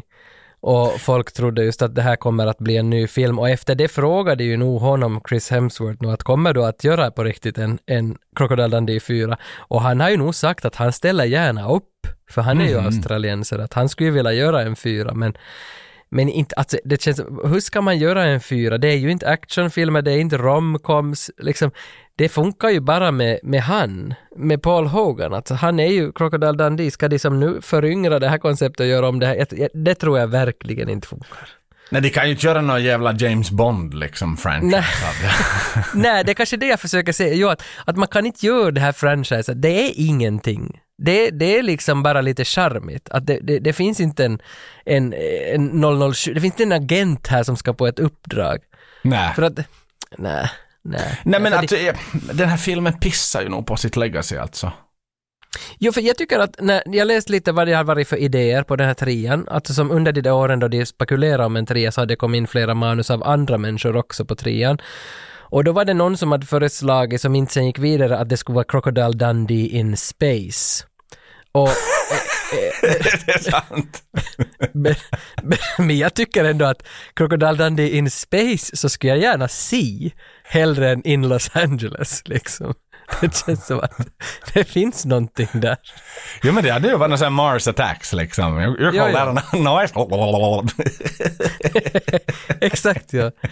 Och sen var det någon idé som, som var att han skulle rädda världen från ett kärnvapenkrig. Att, Mhm. men, men då blir det ju Bond liksom. Att det, men, men det där In Space känns ändå som att det, det skulle funka. Det, det skulle jag gilla. ja. Ja. Eller bara Crocodile Dundee 2. The End. Ja, jag inte, jag inte, inte känns det som att den här hör dit i det där. Hela grejen inte. Det känns Jag onödigt. fattar varför Sue slutade. Ja, nog säkert, för hon blev säkert erbjuden bara massa skitjobb efter det här också, för att inte framstår ju hon som någon jättebra skådis i den här trian. I ettan och tvåan var ju bra. Där är hon ju bra. Men hon är ju ändå inte bara the bihang som, som Jean-Claudes fru, utan hon har ju hon fortfarande en investigative journalist, liksom att hon, hon har ju ett syfte. Och egentligen hela storyn i den här filmen, ska vi säga så här, utan hennes story så skulle den här filmen vara totalt jävla värdelös. Vad skulle han bara springa till skolan fram och tillbaka och hämta sin son liksom och, och jaga djur på vägarna liksom. Då hade den ju inget Nej. syfte. Jo, nej, nej, nej. Alltså allt, hela, hela början och hela, hela storyn springer ju ur hennes uppdrag. Och Ja. det, är det, är hon, det är hon som startar allt och hon som i princip avslutar allting. Nog för att det är Mick som brottar ner allihopa sen där i den där lejonburen. Men, Mm. men det, det är ju hon som är, det är den där storyn. Så jag tycker liksom, det är lite synd att, att karriären gick i stöpet efter det, för nu hade hon ju säkert mer att ge nu. Ja, hon hade nog fler filmer i sig, det tror jag absolut. Men det är klart, liksom, det måste ju vara... Alltså efter en sån här kalkon så måste det nog vara ett jävla stolpskott. Och nu menar jag, vi hade en 4,8 har den på IMDB, men börjar man titta metascore så är den säkert inte riktigt så, så, så glad och ljuvlig liksom att när proffsen så att säga ska sätta sina, Nej, nej, nej. sina ratings på den. Vad vad hamnar den på hos herr Rönnqvist då? Nå, kör vi med de här IMDB-siffrorna. Uh, då skulle jag kanske, alltså någonstans kring, kring fyra då, typ. Mm. Inte vet jag, kanske sådär 4,5 för att emellanåt är det lite underhållande men sen är det nostalgiska skäl och sådär lite kul att se men samtidigt så är det, så, det är nog dåligt genomfört det mesta här känns det som att skådisarna är så dåliga. Jag vet inte riktigt om vad- manus är så dåligt men ah, kanske jag län, lämnar, lämnar nog under 5 i alla fall. Fyra och ett halvt kanske för det finns ändå lite underhåll och charm ibland. Ja, men jag är väl mån att hålla med dig om det. Möjligtvis som ja, 4,0 eller något sånt här. Men den här sonen var ju nog en bedrövlig barnskådespelare. Inte konstigt att han inte fick liksom någon, någon fortsättning i, i den branschen. För han, Nej. han var så jävla stel. Jo, annat är det med den där pojken i Over the Top med Sylvester Stallone, den armbrytarpojken där, hans son i den filmen. Den, den pojken, den gillar jag. Han, Han han, kan. tyckte det var kul. Han kan sina kan. grejer. Han kan. Och, och IT-killen. Ja. Nej men inte har vi någon större anledning att återvända till Australien numera efter ett sånt här magplask. Inte, inte för tillfället. Och som, som avslutning så kan jag väl också säga att fortfarande så har vi inte fått in hit till studion tillräckligt många VHS-filmer av publiken.